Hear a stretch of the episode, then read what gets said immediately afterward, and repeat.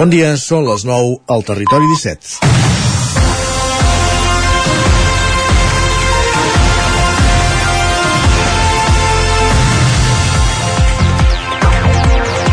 Puigdemont derrota Sánchez, titulen avui la raó i l'ABC. Puigdemont no queda Sánchez y acerca la legislatura al colapso segons el Mundo i Junts paralitza l'amnistia al negar-se al PSOE, al PSOE a más, a más cesiones. És la versió del país. No disten gaire de les portades catalanes. Junts planta Sánchez amb l'amnistia, titula el periòdico. Junts encalla l'amnistia, etziba. Junts frena la llei d'amnistia i força una nova negociació, diu la Vanguardia.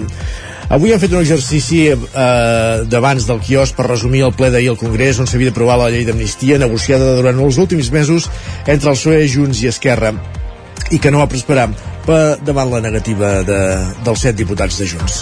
Davant els últims moviments del jutge de l'Audiència Nacional Manuel García Castellón que busca la manera d'imputar sigui com sigui per terrorisme Carles Puigdemont i Marta Rovira en el cas del tsunami democràtic, la possible investigació del cas Volov pel delicte d'altra traïció pels suposats contactes a l'entorn de Puigdemont amb dirigents russos i el fet que segons els postconvergents el text no garanteix que es doni cobertura al CDR han fet tirar enrere Junts i ara sobre un període per renegociar la llei abans no quedi descartada del tot. Sánchez entén que cedit molt, com venen a dir la majoria de portades, però Junts no vol deixar ningú a l'estacada. Ningú va dir que tenia, tenia el suport dels set diputats de Junts per la investidura garantiria una legislatura plàcida i el que està clar és que de continuar així totes les parts es veuran obligades a cada ple a negociar cada coma de cada text i empassar-se més d'un gripau. De fet, de tot plegat se'n diu política i no cal posar el focus només en uns, perquè qui negocia, com a mínim, són dos. És dimecres, 31 de gener de 2024, en el moment de començar el Territori 17 a la sintonia d'Ona Codinenca, Ràdio Cardedeu, La Veu de Sant Joan, Ràdio Vic, el 9 FM, també ens podeu veure cada dia a través de Twitch, YouTube, Televisió de Cardedeu, el 9 TV i la xarxa Més. Territori 17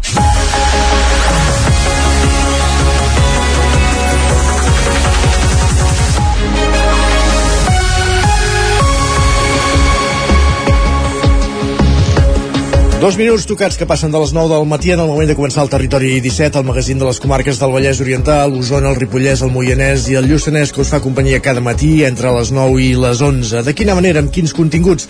Ràpidament fem un cop d'ull al sumari del matí, avancem al menú del dia d'aquest 31 de gener de 2024. Ja estem tancant el mes de gener d'aquest 2024.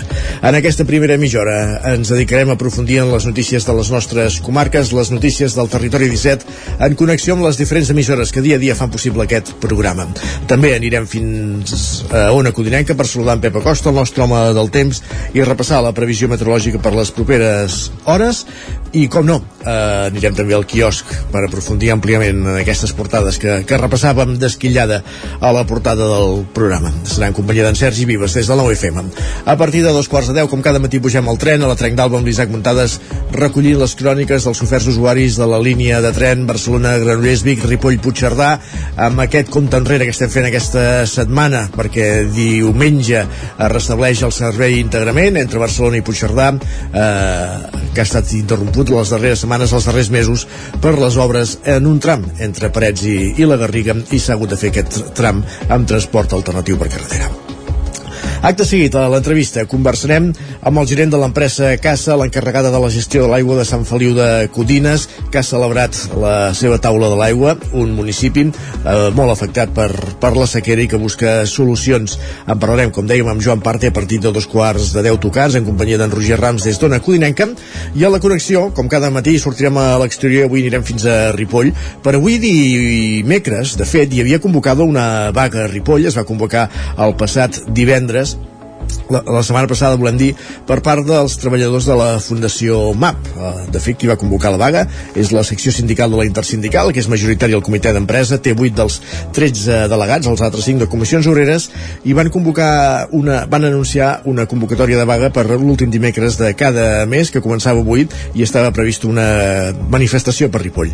Dilluns però va haver-hi mediació eh, amb el Departament de Treball amb l'oficina de Girona i per ara la Intersindical ha aixecat aquesta convocatòria de vaga perquè hi ha hagut un principi d'acord, uns punts de partida a partir dels quals s'obre un nou període negociador i d'entrada no hi haurà eh, vaga. De totes maneres volem saber quins, quins són els motius que han portat els treballadors de la Fundació MAP a convocar aquesta mobilització i després convocar-la i tot i que avui no hi hagi manifestació com estava previst i que anirem fins a Ripoll per conèixer aquests detalls i serà en companyia de l'Isaac Muntades de la veu de Sant Joan. A les 10, com cada matí, notícies, la previsió del temps i a partir d'un quart d'onze els dimecres és torn pels solidaris en companyia de la Laura Serrat des de Ràdio Vic, avui parlant amb el regidor de Calla Tenes, Rafael Gámez. A dos quarts ens endinsem a X, la xarxa social, abans anomenada Twitter, per repassar les piolades del matí amb en Guillem Sánchez i acte seguit serà un moment per l'alegria interior amb en Jordi Soler i el Lletra Ferits, avui amb en Roger Rams des d'Ona Codinenca, conversant amb una jove escriptora bellesana de Llerona, la Maria Arimany. Això serà la recta final d'un territori 17 que ara comença repassant les notícies de les nostres comarques, les notícies del territori 17, que són les notícies del Vallès Oriental, Osona, el Ripollès, el Lluçanès i el Moianès. Territori 17.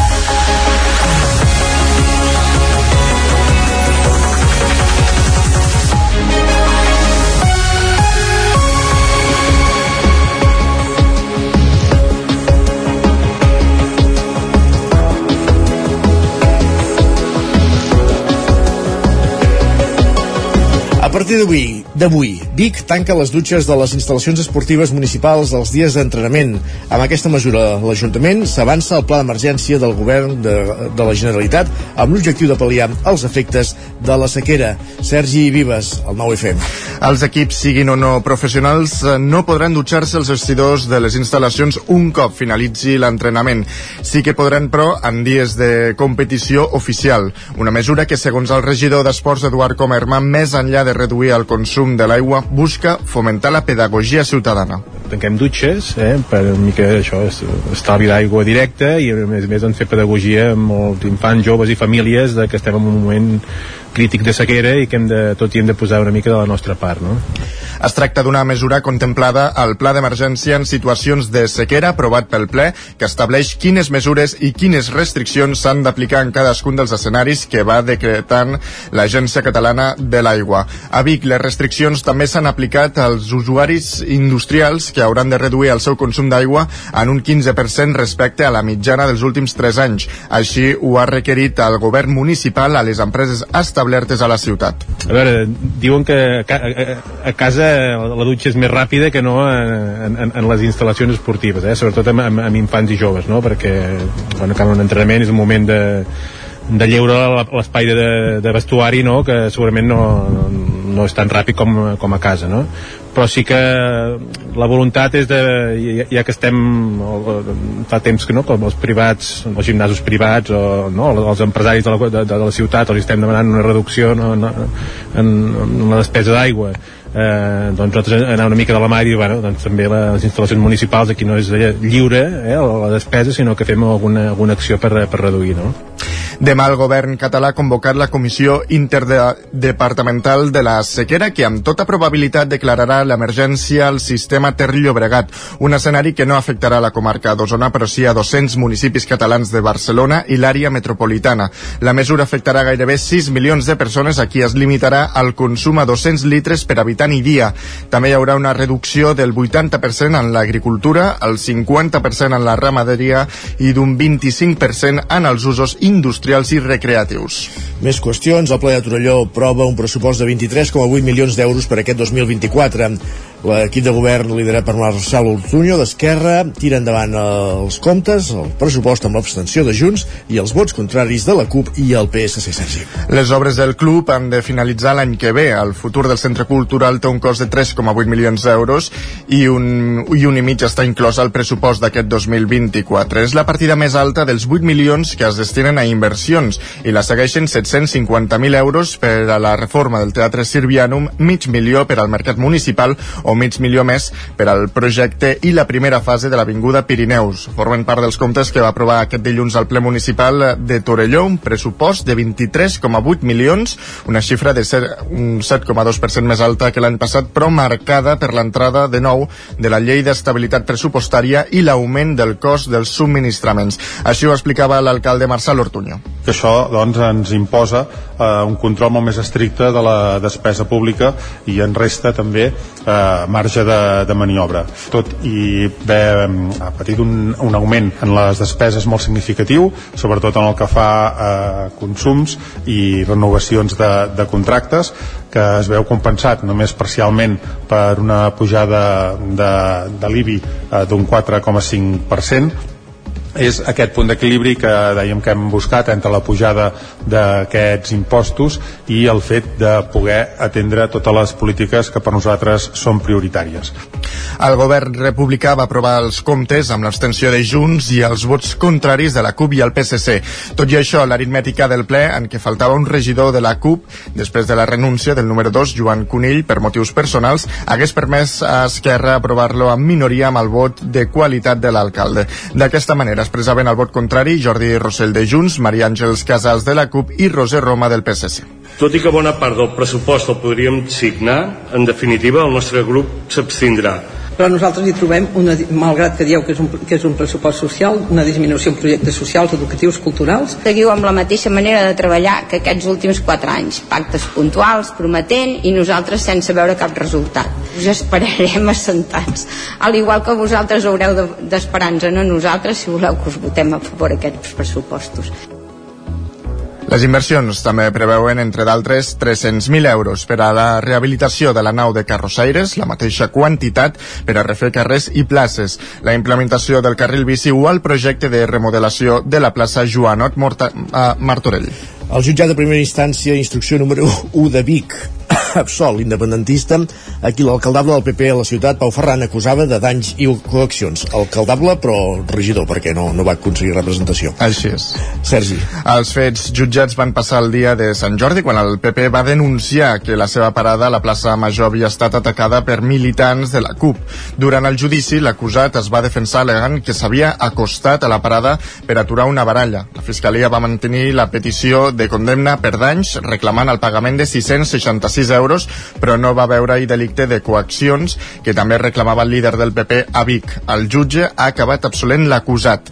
Alerta Solidària i el grup de suport Pigot Negre han criticat la gratuïtat amb, el, amb la que consideren que Pau Ferran va acusar la CUP a les xarxes, una piulada que afegeixen va ser ràpidament transformada en notícia per part del diari La Razón.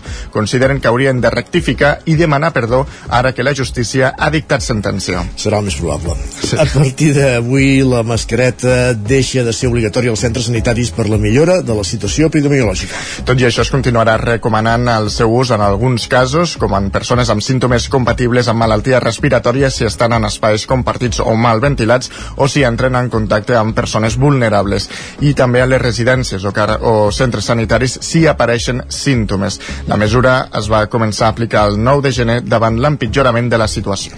I al Ripollès, a Sant Joan de les Abadesses en concret, Esquerra demana fer un acte commemoratiu pels 130 anys de la vaca cega i facilitar l'accés al monòlit del Cubilà.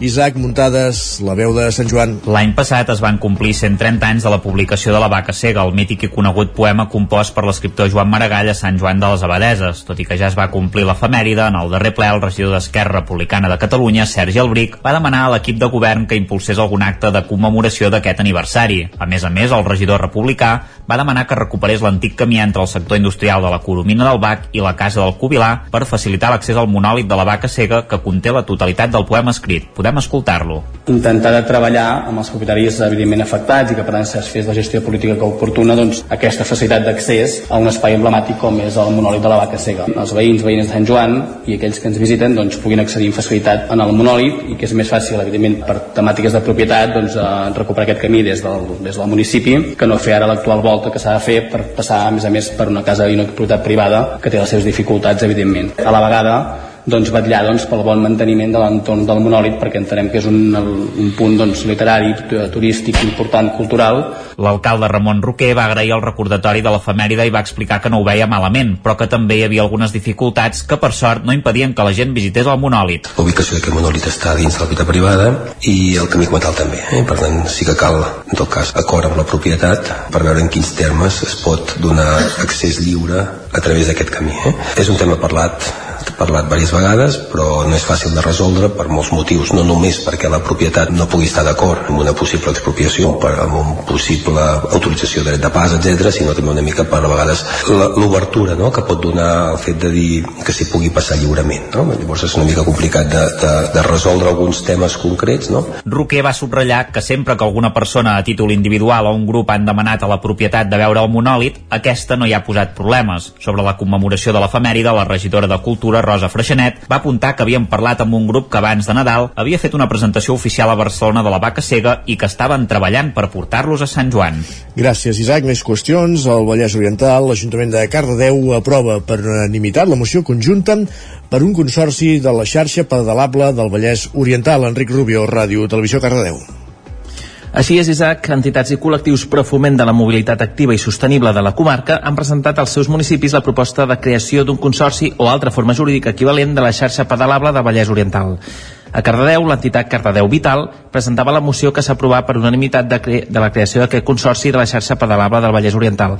Moció que durant aquests dies també s'ha aprovat al Consell Comarcal i als ajuntaments de Granollers, Montmeló, Mollet, Sant Pere i Sant Antoni a Vilamajor. Per altra banda, el PAM, el Pla d'Actuació Municipal que Cardedeu va tornar a ser tema de debat a pregs i preguntes.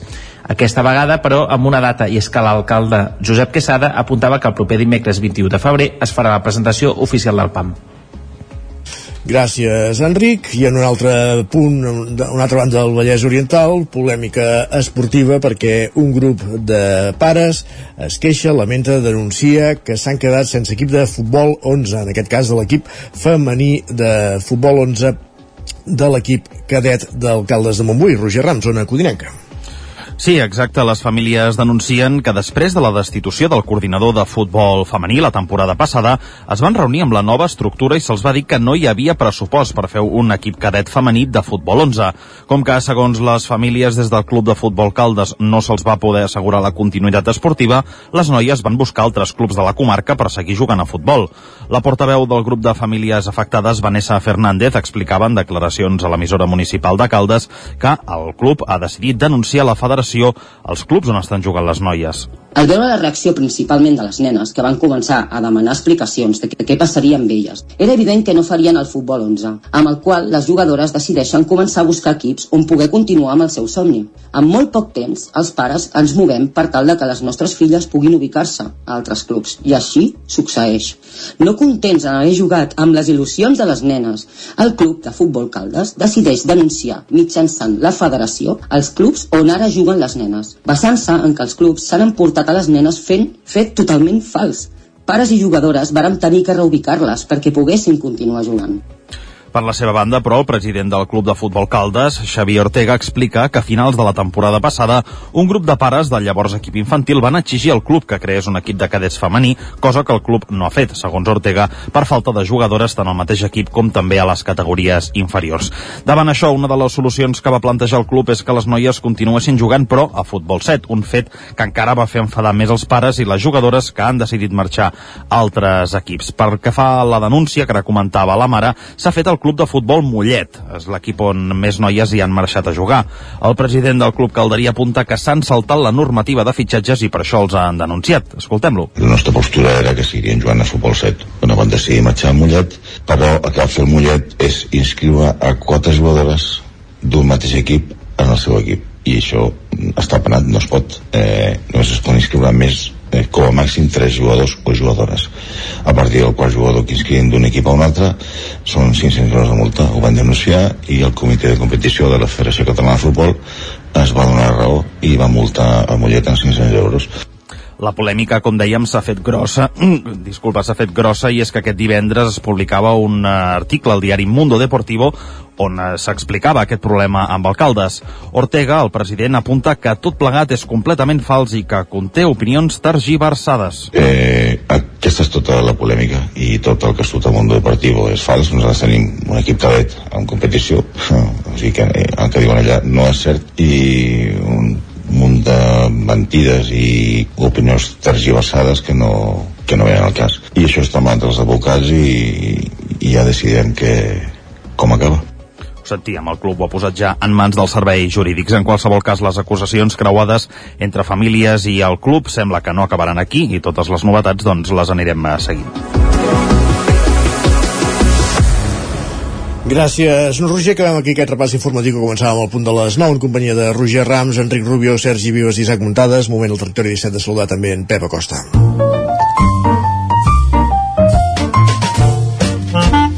Casa Terradellos us ofereix el temps. Perquè volem saber quin temps serà avui, com ha evolucionat també meteorològicament les darreres hores. Pep Acosta, Ona Codinenca, benvingut de nou, bon dia. Hola, l'espai del temps comença ara mateix. Eh, què tal, com esteu? Com va la setmana?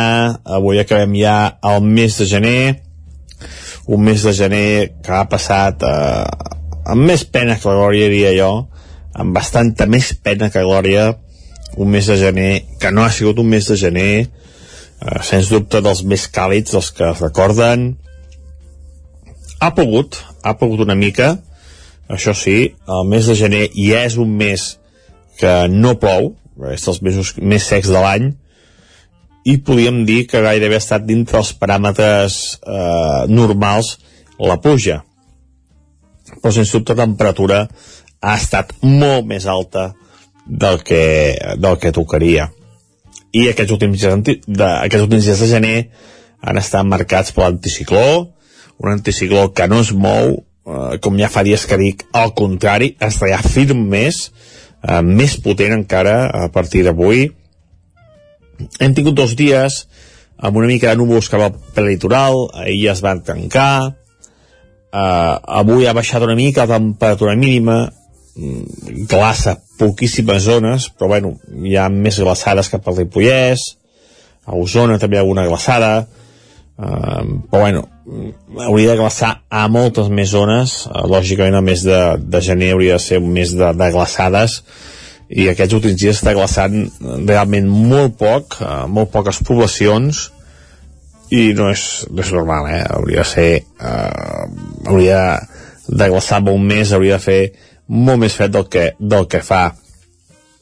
Hi ha novament inversió tèrmica, més fred a les zones enclotades que a les zones més elevades i força contrast entre el dia i la nit. Hi ha un classe eh, mínimes de 1, 2, 3 sota 0, per exemple, com a Sant Pau de Segúries, a zones pròximes, eh, i màximes que avui s'acostaran als 14, 15, eh, 16 graus, fins i tot al prelitoral avui podem arribar gairebé als 20 graus, eh? una altra vegada un migdia força mm, com diria, de calor no però força agradable, força càlid fins i tot.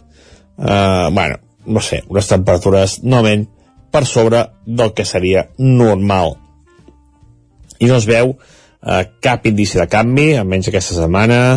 Eh, la tindrem igual l'anticicló es reafirma Uh, no sé, mm, demà, uh, demà serà un dia important, demà molts municipis entren en fase d'emergència de sequera, veurem, veurem què comporta, veurem segurament reduir la pressió de les aixetes, uh, menys aigua pel camp, menys aigua per la indústria, veurem, veurem què acaba passant, perquè ja estem en fase d'emergència i, i veurem com, com esclata tot plegat perquè les reserves d'aigua no paren de baixar i de moment la puja no està ni se l'espera. Ens escoltem demà, ja serà el mes de febrer. Quan sent febrer, demà, aviam si es comporta com van a ser el febrer, amb una mica de puja i amb més fred. Però no tinc més esperances, eh? No... La cosa està molt malament. Vinga, fins demà. Adeu. Tard o d'hora haurà de ploure, Pep. Va, parlem d'aquí una estoneta. Fins ara. Casa Tarradellas us ha ofert aquest espai. I anem cap al quiosc. perquè és moment de repassar així profundament quines són les portades dels diaris del matí. Sergi Vives, què diuen avui? Suposem que aquest ple de la llei d'amnistia acapara totes les capçaleres. Així és. Començarem pel punt avui que diu que Junts bloqueja la llei d'amnistia. Diuen que ara s'obren 15 dies per blindar-la uh, de, 15 dies més per blindar-la dels jutges. Hola i també, eh, per altra banda, destaquen l'emergència pel català. Diuen que l'ús social del català baixa i se situa al 36,1%, un descens que és molt més acusat entre els joves. Diuen que els experts aposten per una major conscienciació lingüística i perquè no es canvi automàticament al castellà. El periòdico diu que Junts planta Sánchez amb l'amnistia. Diuen que els de Puigdemont deixen en l'aire la llei que van pactar a canvi de la investidura. La Vanguardia diu que Junts frena la llei d'amnistia i força una nova negociació. Expliquen que els de Puigdemont voten contra la proposició del PSOE que sí que rep el suport d'Esquerra i diuen que postconvergents i socialistes continuaran buscant un acord per votar-lo després de les eleccions gallegues. L'ara acusa Junts d'encallar l'amnistia. Diuen que el partit de Puigdemont vol negociar canvis en els delictes de terrorisme i traïció. Diuen que PSOE i Esquerra estan indignats pel no dels juntaires que acaben votant al costat del PP i de Vox. I anem a repassar a portades de Madrid. El País diu que Junts paralitza l'amnistia al rebuig del PSOE amb les sessions. Expliquen que la dreta independentista vota contra el projecte que abans havia acordat. Fons del govern diuen que no està en risc la legislatura, sinó la pròpia amnistia. I destaquen també que Feijó diu que l'executiu està amb respiració assistida. El Mundo diu que Puigdemont noqueja Sánchez i apropa la legislatura al col·lapse. Per altra banda, diuen que la connexió separatista amb Rússia dispara la inquietud a la Unió Europea. Expliquen que PSOE i PP es reuneixen avui a Brussel·les amb Reinders per negociar l'elecció del poder judicial. I acabarem aquest repàs de portades amb la BC i la Razón, que avui comparteixen titular, diuen que Puigdemont derrota a Sánchez. Expliquen que, tot i les sessions, Junts tomba l'amnistia promoguda pel líder del PSOE i deixa la legislatura en l'aire i diuen que Moncloa no accepta les esmenes per blindar l'expresident català i veu poc marge per negociar amb ell. Doncs mira, que es van, van fer el titular conjunt, els sí, ABC sí. i la Razón casualment. Va, eh, repassem digitals, l'edició del 99.cat d'Osona, el Ripollès, el Lluçanès i el Moianès. Ens quedem amb Osona perquè diuen que Vic enceta aquest dijous una nova edició del True Forum. Correcte, que s'allargarà durant tot el cap de setmana, el Congrés de la Tòfona aquest cap de setmana a Vic i a l'edició del Vallès Oriental i el Moianès. Doncs ens expliquen que 11 municipis de l'àmbit d'ATL van superar els 210 litres per habitant i dia d'aigua permesos. Doncs són els titulars que llegim avui al quios, també els de les dues edicions digitals del 99.cat i amb això arribem a la pausa. Gràcies, Sergi. A tu.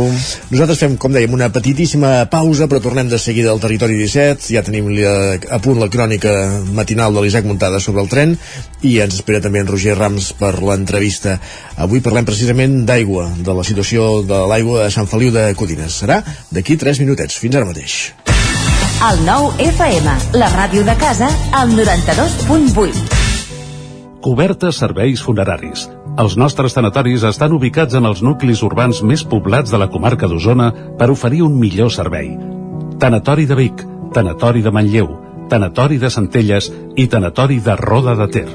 Sabem que són moments difícils i per això el nostre compromís és atendre-us en tot moment amb un tracte humà, sensible i respectuós. Cobertes serveis funeraris. Telèfon 24 hores 93 883 23 46. Menja ràpid, menja fàcil, el trinxat de les Cerdanyes, tio Carlit. Mmm, boníssim! Trinxat Carlit, 100% natural, fet cada dia a Puigcerdà i a punt en un minut. Encara et preguntes què t'emportaràs a la feina o a la uni per dinar? El trinxat de les Cerdanyes, tio Carlit. Ho han dit avui, al 9FM? Ai, no ho he pas sentit. Tot té solució. Recupera programes, seccions i entrevistes del 9FM al 9FM.cat. Des de ben petit tindré un somni que és obrir un restaurant. Han sortit moltíssims llibres. Et demanen dades que, per altra banda, l'administració ja hauria de tenir. I ja no com a ramadera, sinó com a ciutadans. Nosaltres intentem que tothom pugui marxar amb un croissant. I trobaràs també tots els nostres podcasts. L'infopodcast del 9-9, cada matí a partir de dos quarts de vuit. I comencem parlant d'un tema punyent. Persones que passen per moments de gran dolor. L'infopodcast del 9-9. La lupa d'Agustí Danés cada divendres. La lupa. Agustí Danés. Els aniversaris. Cada vegada vivim més anys i cada vegada hi ha menys naixements. La combinació d'aquestes dues evidències distorsiona la piràmide d'edat. Paraula d'enfruns, el nostre podcast de llengua cada dimecres. Quan escoltem ho fem voluntàriament i en canvi sentir, podem sentir moltes coses encara que nosaltres no vulguem. Bruixes del dia, el podcast de dones i bruixes de Laura Centelles i Maria Saladic. Estàs escoltant Bruixes del dia. La meva relació amb la mort és totalment diferent perquè jo morts, diguéssim, físiques d'un cos n'he vist crec que una a la meva vida. Feeling de 5, l'actualitat de casa nostra en anglès. Hello and welcome to Filling the Sink, a podcast from Catalan News. My name is Lucía. I també tots els relats finalistes del concurs de narrativa curta del 9-9. He despertat a mig de la foscor. Tinc la boca seca i els ulls El 9fm.cat, la ràdio en línia i els podcasts del 9FM. Territori 17.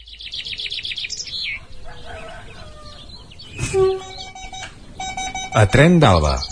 Cada dia els usuaris i usuàries de la línia R3 de Rodalies que veuen sortir el sol des d'un vagó ens expliquen les gràcies i les penes del primer comboi que uneix Ripoll i Barcelona o les feixugues jornades amb el tren després de treballar. Benvinguts a Tren d'Alba. Doncs bé, Renfe ja ha instal·lat els primers equips de videovigilància intel·ligent en més de 40 estacions de Rodalies a tot Catalunya. És el primer pas per a la completa digitalització dels sistemes de seguretat de 110 estacions de Rodalies, un projecte denominat Renfe Smart Security Station. La primera fase del projecte, que finalitzarà el primer trimestre del 2024, es tancarà amb 53 estacions dotades dels esmentats equips. Aquest projecte s'emmarca en el Pla de Recuperació, Transformació i Resiliència de la Unió Europea Next Generation Unió Europea. Aquest nou sistema recopila i processa de forma anònima i automatitzada milers de dades a través del sistema CTTV de cada estació i els integra en un quadre de comandament únic. L'objectiu és millorar la seguretat i l'experiència del client sempre des del compliment estricte de la normativa de protecció de dades. Mitjançant aquest sistema intel·ligent de seguretat es podrà conèixer què està passant a les estacions de Renfe, Rodalies en temps real. Per exemple, mitjançant l'anàlisi de l'afluència, en cas que sigui necessari, es podrà adreçar més personal a les estacions que ho necessitin en cada moment. També es podran detectar de manera automatitzada incidents relacionats amb la seguretat com caigudes de persones i objectes a les vies, incendis, actes vandàlics i el frau en l'accés. Pel que fa a tot l'estat, Renfe ja ha posat en marxa el nou sistema en 193 estacions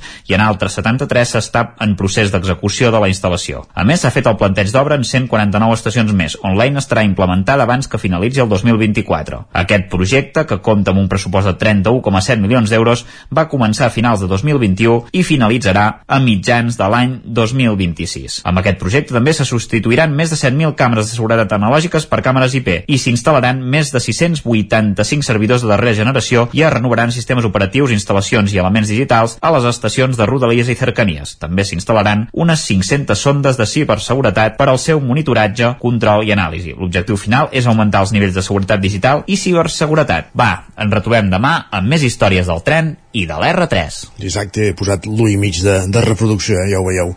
Va, anem cap a l'entrevista. Territori 17. Dos i mig que passen de dos quarts de deu del matí.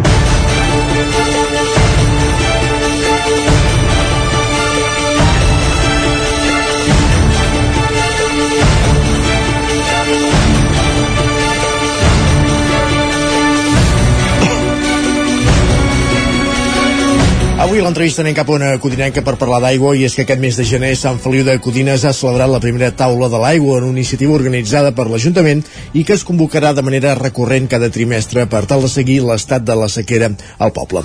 Una de les novetats que es van anunciar en aquesta primera taula va ser l'actualització de les tarifes de l'aigua congelades des de 2016 per parlar D'aquesta qüestió i altres temes avui ens acompanya Joan Parte, gerent de l'empresa que gestiona el Servei Municipal d'Aigua, CASA, en companyia de Roger Rams, aquí ja saludem els estudis d'Ona Codinenca. Roger.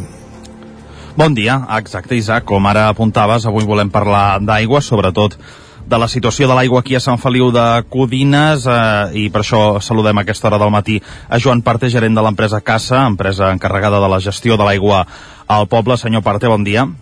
Hola, bon dia, com esteu? Tal? Gràcies, gràcies eh, per passar pels micròfons d'Ona Codinenca. Primer de tot, eh, volia preguntar-li eh, a nivell eh, més genèric quina és la situació actual eh, aquí al municipi, a Sant Feliu de Codines, pel que fa l'abastament eh, d'aigua, tenint en compte que, com hem repetit tants cops, doncs, la xarxa és eh, aïllada. Doncs bé, eh, la situació crec que és prou coneguda, no? Eh, portem eh, molt de temps ja en una situació que, que va empitjorant, que cada vegada doncs, ens, ens trobem amb més dificultats, amb més complexitat. A Sant Feliu de Codines especialment eh, ens hem vist afectats sobretot pel fet de, que comentaves, de que l'aprofitament la, d'aigua que es fa del subministrament al, als habitatges i a les activitats del municipi doncs és a través de captacions pròpies, el que són captacions d'aigua subterrània, el que són pous, i també de la mina de Llobateres, i aquestes doncs, s'han anat a, a menys amb aquesta situació de, de, de baixa pluviometria i d'escassetat hídrica que estem patint. Mm -hmm. Quines accions hi ha pre previstes per millorar aquesta situació i quines s'han a terme? Perquè ja hem parlat més una vegada de camions cisterna que venen al poble, oi? Sí, de les accions, bueno, uh, com, com bé es va explicar la taula de l'aigua i sabreu, uh, estan emmarcades en el que seria el context, sobretot, de, de, de planificació en el temps, no? Hi ha accions a curt termini i diguem-ne que n'hi ha altres que són ja mig, mig termini o fins i tot a llarg termini. Les de curt termini que s'ha anat eh, treballant molt intensament doncs, són evidentment el, el garantir el subministrament d'aigua, aquest és el, la màxima que, que no pot, que no pot eh, fallar. Per això doncs, ens hem vist eh, amb un control necessari i molt, molt exhaustiu de tot el que passa en el dia a dia a la xarxa, en el subministrament, amb les captacions, amb aquesta evolució a la baixa de les mateixes captacions i de l'aigua disponible, i, la, i que això no produís en cap moment, en, sota cap circumstància, pues, la, la falta de subministrament. No? Això pues, des d'un inici pues, ha anat evolucionant, com comentava abans, pues, ha anat eh, complicant-se i, bueno, i ha fet que ens, ens haguem vist obligats a fer aportació externa d'aigua al municipi via els camions cisterna i, i, bueno, i això primer va ser d'una manera concreta en moments punta de consum, diguem-ne, Llavors eh, es, va, es va haver de fer ja de manera recurrent fins a 5 a camions eh, de transport diari i ara ja portem pues, amb 10 camions de cisterna diàries per poder cobrir el que és la, la falta de, de disponibilitat que tenim dels pous. Després, eh, això és el curt termini, no? el que comentava, sobretot garantir eh, l'eficiència de la xarxa, amb què? Amb les actuacions que, que duem a terme de campanyes d'adaptació de fuites, de localització de totes aquelles possibles pèrdues per tal de que eh, sigui la mínima afectació respecte al que seria l'abastament general i, i estar-hi molt a sobre, o sigui, amb l'aplicació de la tecnologia, el coneixement i tot el bagatge i sobretot molt coordinats amb l'Ajuntament i també amb la ciutadania, evidentment, doncs aconseguir garantir el subministrament. Després ha... Senyor Parte... Que... Ah, perdona, digues. No, no, endavant, endavant, endavant. No, simplement anava a saltar el que seria ja actuacions ja en, en planificació que tenim, que són com per exemple ja sabeu que l'Ajuntament ha autoritzat els treballs de perforació d'un nou pou a la zona del Flaquer, on tenim el dipòsit principal de distribució al poble, i aquest és un de, de les fites, o sigui, aconseguir localitzar la massa d'aigua subterrània que, que està determinada en un estudi hidrogeològic, que també es va planificar i es va executar, eh, un recurs tècnic que va subvencionar la Diputació de l'Ajuntament, la Diputació de Barcelona, i en base a les conclusions pues, ha, ha donat peu a que puguem eh, amb l'Ajuntament tirar endavant aquesta autorització de perforació i hem de veure aviam eh, en els inicis d'aquesta execució pues, quin és el, el resultat que s'obté i quina és l'ajuda la, la, la que ens dona respecte a la situació actual del subministrament. Hi ha d'altres actuacions... Sí, digues, digues. No, no, endavant, endavant. No, no, digues, digues, tranquil, pregunta, no passa res. Dic que, que a banda de, del fet de que sigui aïllada aquesta xarxa, si tinc ben entès, també eh, era evidentment antiga i tenia certes deficiències. De fet, a la taula de l'OIGUA vau explicar que, que s'estaven fent treballs, sobretot també eh, s'ha de tenir en compte la, la idiosincràsia de Sant Feliu, que, que us feia fer els treballs de nit, perquè el soroll de la carretera ah, sí. tampoc no deixava detectar fuites. Una mica per fer-nos la idea, a, a, quina és l'eficiència, per dir-ho així, de la xarxa de, de Sant Feliu avui en dia? Sí, mira, en, en relació al que comentes, eh, una casuística, diguem-ne, que general, eh, els abastaments eh, municipals, sobretot de municipis d'aquesta magnitud, ja no parlem de ciutats, eh, és que els abastaments d'aigua i les canonades i els equipaments que existeixen, doncs, bueno, doncs tots daten d'unes eh, antiguitats similars, el que fa que, bueno, que, que, que molta de la xarxa doncs, sigui antiga i això fa que, pues, que tingui pues, eh, problemes per poder-se mantenir en condicions eh, diguem acceptables eh, sense tenir falles, no? Això és el que comentàvem també a la taula de l'aigua, no? El nombre d'incidències que hi ha a l'any pues, és un nombre d'incidències elevat, això és motiu perquè les canonades el que demanen és reposició, sobretot, és a dir, substitució. És veritat que l'Ajuntament, via la concessió de l'aigua, doncs, va aconseguir fer un salt molt qualitatiu a nivell de, de tant d'eficiència com de reducció de pèrdua d'aigua, gràcies a les inversions que estaven compromeses a, per part del concessionari, en aquest cas nosaltres, com a concessionari del servei. L'Ajuntament eh, va aconseguir tirar endavant inversions per valor de 780.000 euros, amb càrrec al que seria la concessió, i des del 2013 doncs clar, s'han invertit, a més a més, 785.000 euros per una altra banda. Això que ha suposat? Doncs, bueno, la, la millora en la garantia de l'abastament, que això, tot i que ara ens veiem en aquesta situació, doncs encara hauria estat molt pitjor si no s'hagués invertit tots aquests diners i totes aquestes actuacions.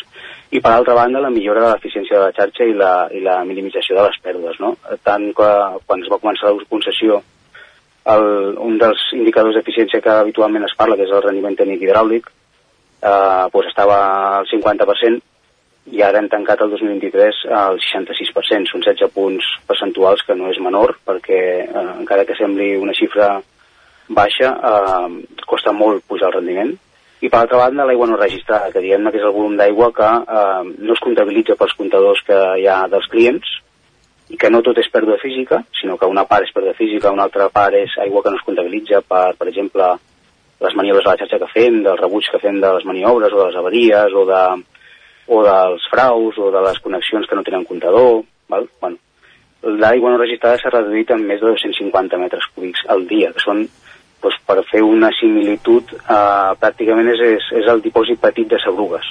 Saps? Hi ha dos dipòsits a la zona dels Sabrugues, uh -huh. pues és l'estalvi diari d'un dipòsit. Pues, bueno, no és menor.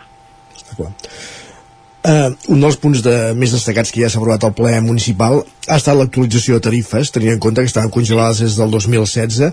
Sí. De quina manera s'han actualitzat, diguéssim? Com, com repercutirà això en, en els rebuts?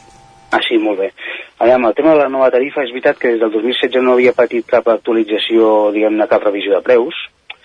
Això m'agradaria també explicar que ha estat possible gràcies a que les despeses, tot i que evidentment el cost de vida no, i el cost de, del servei doncs, s'ha vist ha anat incrementant. També fem més coses ara que no, pa, no passa el 2016. Cada vegada tenim, tenim més feina, diguem-ho així, hi ha més coses a fer. Però també és veritat que el municipi doncs, també ha anat creixent Llavors això ha fet que s'hagi anat equiparant la línia d'ingressos amb la línia de despeses i això ha, ha, ha permès que doncs, des del 2016 la, revis, la revisió de tarifes no s'hagi hagut de fer.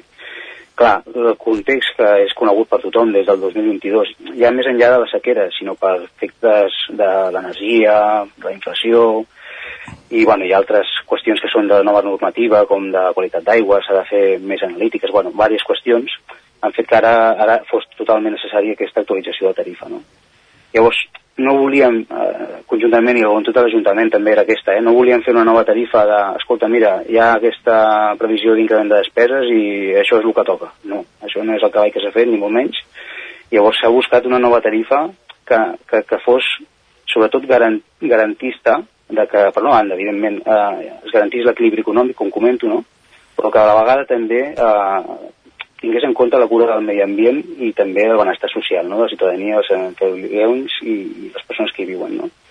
Llavors hem proposat una estructura de tarifa eh, que ja està amb esgraonament, és a dir, que té una quota fixa i una quota variable, ja era així, però hem anat més enllà. Hem, hem fet que la tarifa fos equitativa i justa i que també eh, pogués garantir que es promogués el consum responsable de l'aigua, això és molt important i més en, en la situació de sequera en la que estem. Eh? Llavors, què vol dir això? Que la nova estructura dels blocs que hem fet als clients domèstics i comercials, tenint en compte el consum mig, fa que eh, si s'accedeixen aquests consums responsables, doncs que s'hagi de contribuir més per part d'aquestes persones que fan aquests consums, diguem-ne, excessius o de malbaratament, eh, hagin de contribuir més econòmicament a garantir la, la tarifa. No? Aquests blocs d'aigua que no fa que els, els primers trams i essencials no, tingui un increment notori, perquè, per exemple, el consum mig domèstic al municipi són 20 metres cúbics al trimestre, això del client domèstic, és el consum mig, ¿vale? pues aquest consum mig única i exclusivament se l'incrementa un euro al mes, un euro 0,5. Què vol dir això? Pues, eh, dona resposta al que comentava. qui no està en un consum mig o en un consum responsable, doncs que fins i arribaria fins als 27 metres cúbics al trimestre, doncs sí que tindrà aportar més a l'hora de pagar la factura i, haurà de contribuir més a que, bueno, als ingressos del que és, el que és la tarifa. Uh -huh. Això és intentar donar resposta, escolta, premiar a qui fa el consum responsable i sobretot eh, buscar aquest interès de que no s'accedeixin als consums responsables i consums mitjos, perquè és que no és la situació la que tenim com per poder uh, superar aquests consums. Està clar, fer, fer pedagogia a través de, de les tarifes. Sí. Un, un dubte, hi ha algun tipus de restricció actualment a Sant Feliu per, per part de, dels usuaris, diguéssim? O, o mentre sí. es pugui garantir el servei Sí, ara actualment el, aquí hi ha, hi ha dues vessants. La primera seria que la, la conca el conques internes on pertany a Sant Feliu de Codines, que està gestionat per l'administració de conca hidrogràfica, que és l'ACA, eh, va determinar l'entrada primer en prealerta, després en alerta i després en excepcionalitat. Portem molt de temps en aquesta situació de sequera hidrològica eh, d'excepcionalitat i això ja determina unes limitacions en l'ús de l'aigua i unes restriccions, com tu abans comentaves, però bàsicament és que el municipi no pot accedir d'una dotació subministrada, és a dir, no pot accedir dels 230 litres habitant dia, d'acord? Llavors, clar, aquesta és la limitació principal. Després hi ha aquelles de que, doncs, escolta, el rec només es pot garantir el rec de gota a gota i en hores de baixa insolació, no es pot fer neteges viàries amb aigua potable, bueno, s'ha de reduir el consum en general, ¿vale? però sobretot la limitació més gran seria aquesta dels 230 litres habitant dia. Clar, ens trobem que Sant Feliu, gràcies a doncs, bueno, tot el treball i la responsabilitat en el consum que té la ciutadania i, evidentment, amb la consideració que hi ha de la situació actual, pues, el, la dotació està molt per sota dels 230 litres a habitant dia. Llavors, eh, aquests 200, per exemple, ara, l'última xifra que hem tancat el 23 està al 203. Uh -huh. Llavors, ara, en el darrer ple municipal, eh, la proposta que es va aprovar per part del govern i per part de les altres eh, forces polítiques va ser elevar eh, l'estat de sequera hidrològica d'excepcionalitat a emergència cosa que l'ACA no té previst fer en els municipis als quals pertanyem a la capçalera del Ter, eh, bueno, Sant Feliu de Codines pertany a la capçalera del Ter, i en principi ens continuaríem quedant en excepcionalitat. I en canvi l'Ajuntament ha pres la decisió de sol·licitar a l'ACA el poder elevar aquesta situació a emergència tal i com passarà amb la resta de tota la zona Ter Llobregat. D'acord. Joan Parte, gerent de CASA, l'empresa que presta el Servei Municipal d'Aigua a Sant Feliu de Codines, gràcies per posar-nos al dia de, de tota la situació de, de la xarxa municipal d'aigua i d'aquesta complexa situació que es viu a causa de, de la sequera en aquest poble del Vallès Oriental. Gràcies per acompanyar-nos aquest matí. Moltíssimes gràcies a vosaltres, aquí estem. Molt bé, bon dia. Bon dia. Gràcies també, Roger, per fer-nos companyia un matí més aquí a l'entrevista. Parlem d'aquí una estoneta. Perfecte, fins ara, bon fins dia. Ara.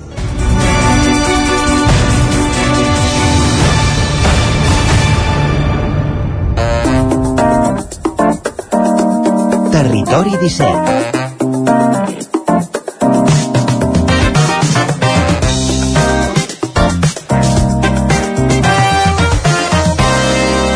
Dos minuts que passen de tres quarts de deu del matí anem cap a Ripoll.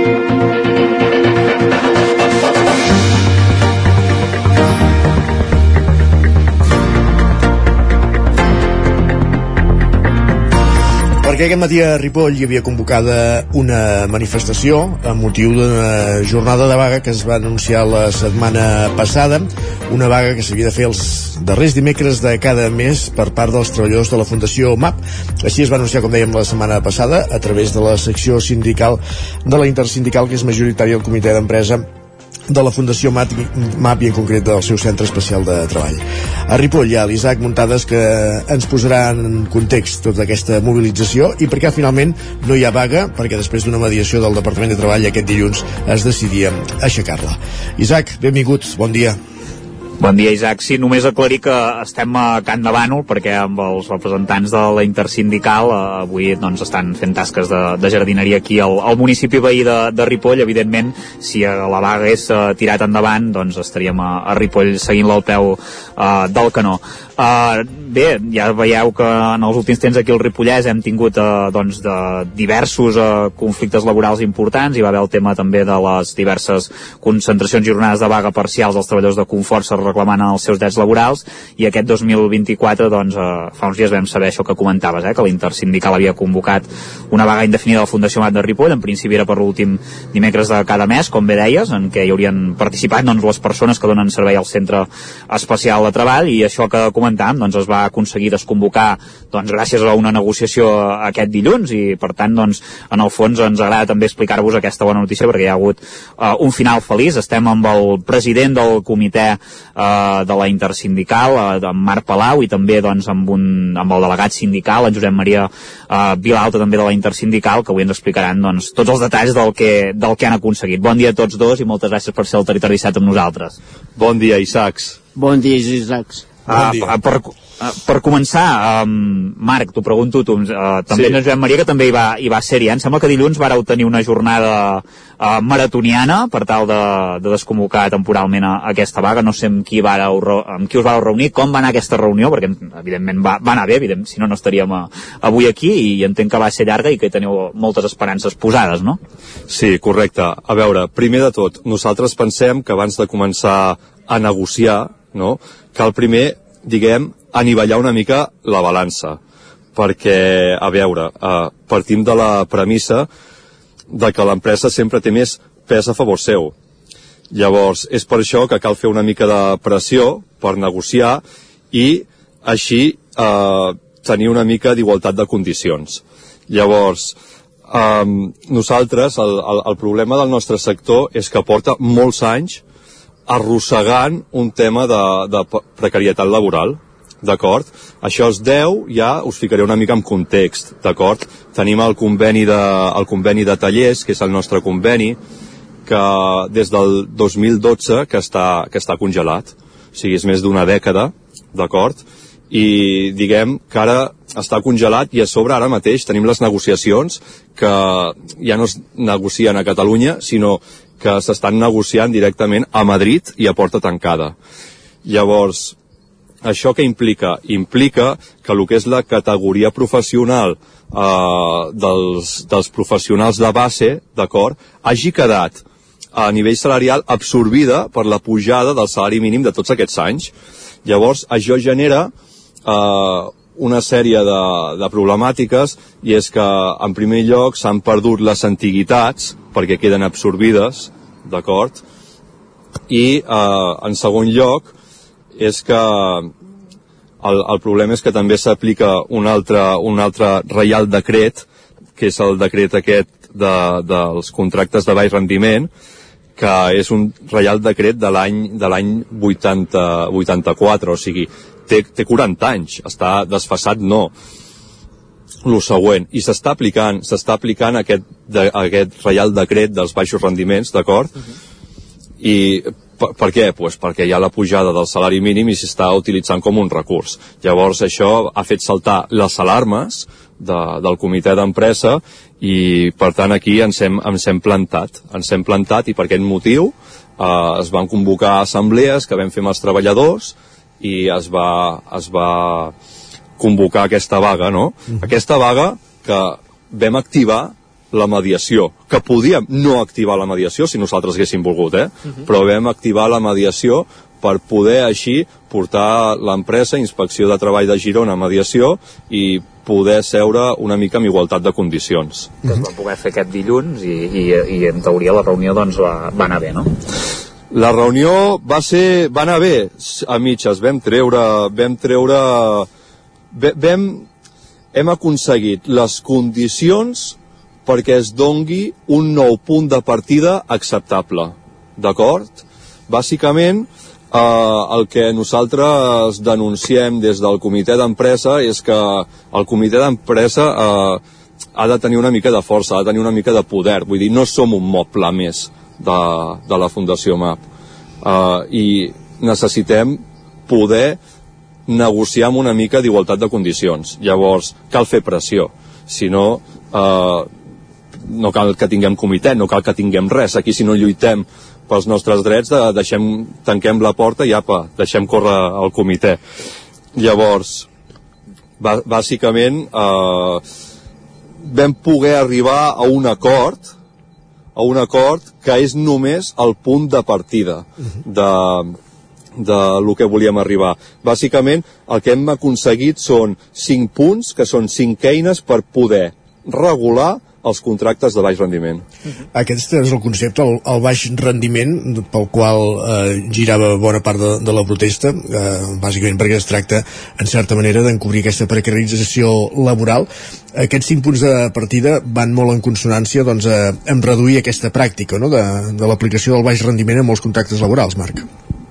Sí, sí, Isaac, mira, si d'algú estem orgullosos d'aquests cinc punts de partida és que representen un tallafoc un tallafoc perquè aquí no es pugui eh, generar un, un abús, no? de, un abús patronal, per dir-ho d'una manera, i perquè el problema és que en el nostre sector, i mira que no a la, a la Fundació MAP encara no, no s'estan aplicant gaire, hem de ser sincers, no s'estan aplicant, però mira, ja hem, hem generat aquesta mesura com a tallafoc, però sí que en el nostre sector Uh, cal dir que hi ha moltes, moltes entitats doncs, que ho tenen com una política d'empresa i n'hi ha moltíssims. Llavors, on no volem arribar nosaltres és aquí. Uh -huh. uh, en tota negociació doncs, uh, és lògic cedir més o menys això que comentàvem eh? uh, heu dit que s'han aconseguit doncs, aquests uh, punts de partida és un punt de partida eh? uh, és allò que no, no s'acaba d'aconseguir tot el que es vol però l'empresa tampoc se surt amb la seva List, Sí, correcte, correcte. O sigui, aquests, aquests cinc punts són una eina, vale? el problema va ser que nosaltres això ho volíem, ho volíem enfocar com, i que de fet ho, ho estem intentant enfocar com, com un, com un conflicte col·lectiu, però aquí hi ha un pilot de casuístiques que fa que en siguin molt, molt difícils, d'acord? Llavors, a nivell col·lectiu sí que hem aconseguit eh, generar aquests cinc punts, d'acord? Per, o sigui, estem bàsicament el, el que hem aconseguit, que, que, ostres, que també té el seu mèrit, eh? és que els contractes de baix rendiment donen marge lliure a l'empresa per aplicar-los eh, d'una forma molt desregulada. Vull dir, nosaltres aquí estem regulant tot això, tot i que la nostra filosofia és que no hi haurien de ser directament, o en casos molt concrets. Aquí ja entraríem en debat. Uh -huh. vale? Quantes persones treballen al Centre Especial de Treball de la Fundació MAP, Marc? Doncs mira, Isaac, ara uh, uns 180 treballadors. déu nhi Llavors, deixa'm aclarir que uh, en aquest cas uh, no s'està som, un, som una entitat doncs, que en part dintre de tot està fent bé les coses perquè d'aquests 180 treballadors un 60% sí que cobra el salari mínim, d'acord? Mm. Això s'ha de dir. És que hi ha entitats que, el, que tothom cobra baix rendiment que això implica cobrar el 75% de, del salari mínim, vale? Mm. o una part proporcional. No és el nostre cas, però era necessari fer aquest tallafoc. Llavors, bueno, el que deia les dades, un 60% el cobren, un 24% cobra per sobre i un 17% eh, està, se li aplica un, un, un percentatge que no és el 75%, és, és, és, és menys, no? Vull dir, potser un 80, un 90, perquè realment és un tema que des de fa molt temps, des de fa 4 anys, estem lluitant des del comitè d'empresa. El problema, quin ha estat el problema? Doncs que es van prendre unes decisions uh, sense comptar amb nosaltres i aquí nosaltres ens vam emprenyar i vam dir per aquí no hi passem i vam haver de tornar a marcar un punt de partida. Uh -huh. uh, també tenim aquí en Josep Maria, que com dèiem era de, delegat sindical, és delegat sindical de la, de la intersindical. Uh, en general, Josep Maria, les persones treballadores amb discapacitat també han tingut més dificultats no, a l'hora de, de reclamar els seus drets laborals. Això és una cosa històrica, no?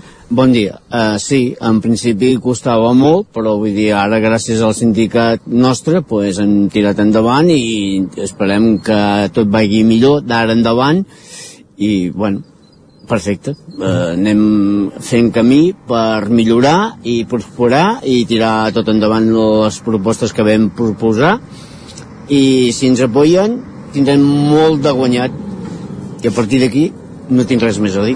Està clar. Uh, Josep Maria Marc, uh, abans comentàvem que això, que és un punt de partida, el que es va acordar en aquesta reunió dilluns amb la mediació de la Inspecció de, de Treball. Entenem que ara s'han establert, establert un nou calendari de, de reunions per, per anar treballant a partir d'aquest punt de partida? Sí, correcte. De fet, ja ens hem ficat en, en contacte, d'acord, amb, amb l'equip de recursos humans o el que és el mateix desenvolupament de persones, no?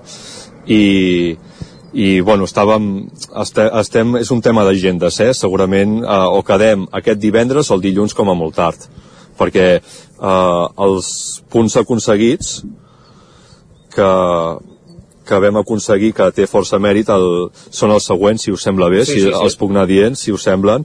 O sigui, el que, el que es va acordar, bàsicament, després de 6 hores de negociacions a Girona, a l'inspecció de treball, va ser el primer punt, eh, no aplicar els contractes de baix rendiment a persones en situació de vulnerabilitat econòmica, segons criteris objectius.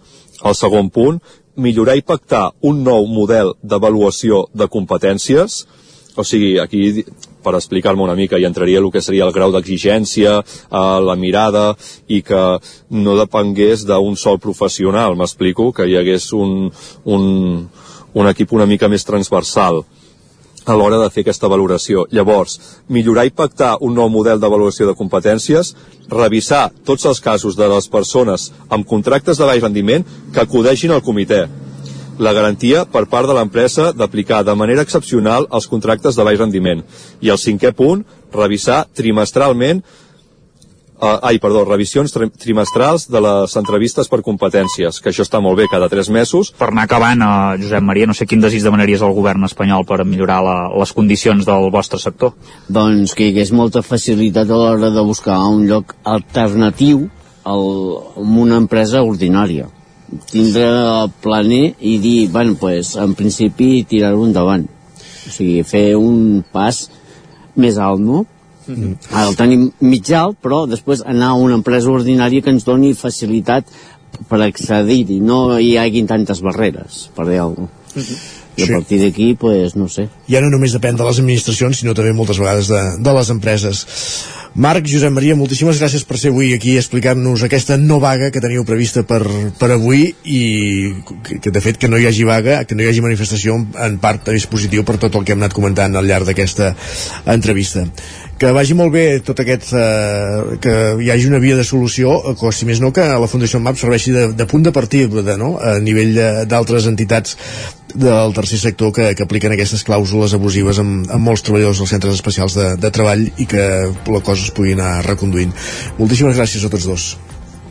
Moltes gràcies, Isaacs. Bon, eh, bon dia i moltes gràcies, Isaacs. Bon dia també, Isaac Montades, parlem d'aquí una estoneta. Bon dia, fins aquí una estona. Adéu. Uh, Isaac Montades, destacat a Can Davant, com bé ens matisava, uh, doncs d'on hem fet aquesta connexió per conèixer la realitat dels treballadors de la Fundació MAP arran d'aquesta convocatòria de vaga que es feia la setmana passada, però que, que es convocava dilluns després de la reunió de mediació amb la Inspecció de Treball de Girona. Temps per les notícies al territori 17.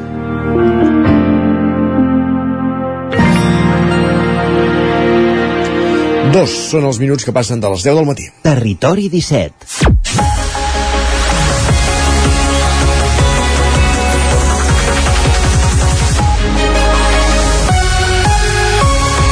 Temps per les notícies al territori 17, les notícies del Vallès Oriental, Osona, el Ripollès, el Moianès i el Lluçanès que us oferim cada matí des de les diferents emissores que fem possible aquest programa, una Codinenca Ràdio Cardedeu, Ràdio Vic, la veu de Sant Joan, el 9 FM, també ens podeu veure a través de Twitch, YouTube, Televisió de Cardedeu, el 9 TV i la xarxa, més per explicar-vos que els Mossos d'Esquadra detenen dos nois i dues noies d'entre 18 i 25 anys, veïns de Barcelona, per haver robat presumptament mòbils i carteres en una discoteca de GURB a Osona, Sergi Vives, al 9 FM. Els vigilants de l'establiment van avisar els Mossos la matinada de dissabte a diumenge pels vols de dos quarts de sis. Havien retingut els quatre joves perquè sospitaven que havien robat telèfons mòbils. Quan van arribar els agents i els van escorcollar, els van trobar vuit telèfons, sis carteres, una bossa de mà, targetes i diners. A més, havien fet ús de les targetes de crèdit robades. 11 persones que hi havia aquella nit a la discoteca han posat denúncia i se'ls han retornat els objectes. Comencen les obres de la variant de Sagàs, el tram que queda pendent per completar de l'anomenat de l'eix del Lluçanès, és a dir, la carretera 62 entre Vic i Gironella. El dia 19 de gener s'hi van iniciar els treballs preliminars i ara hi han d'entrar les màquines per construir el nou tram de 2,8 quilòmetres i que passa pel nord del nucli de Sagàs. La nova variant eliminarà un punt negre pel que fa a accidents. Costarà més de 7 milions d'euros i les obres tenen una durada prevista de 15 mesos. Hauria d'estar enllestida a la primavera de l'any 2025.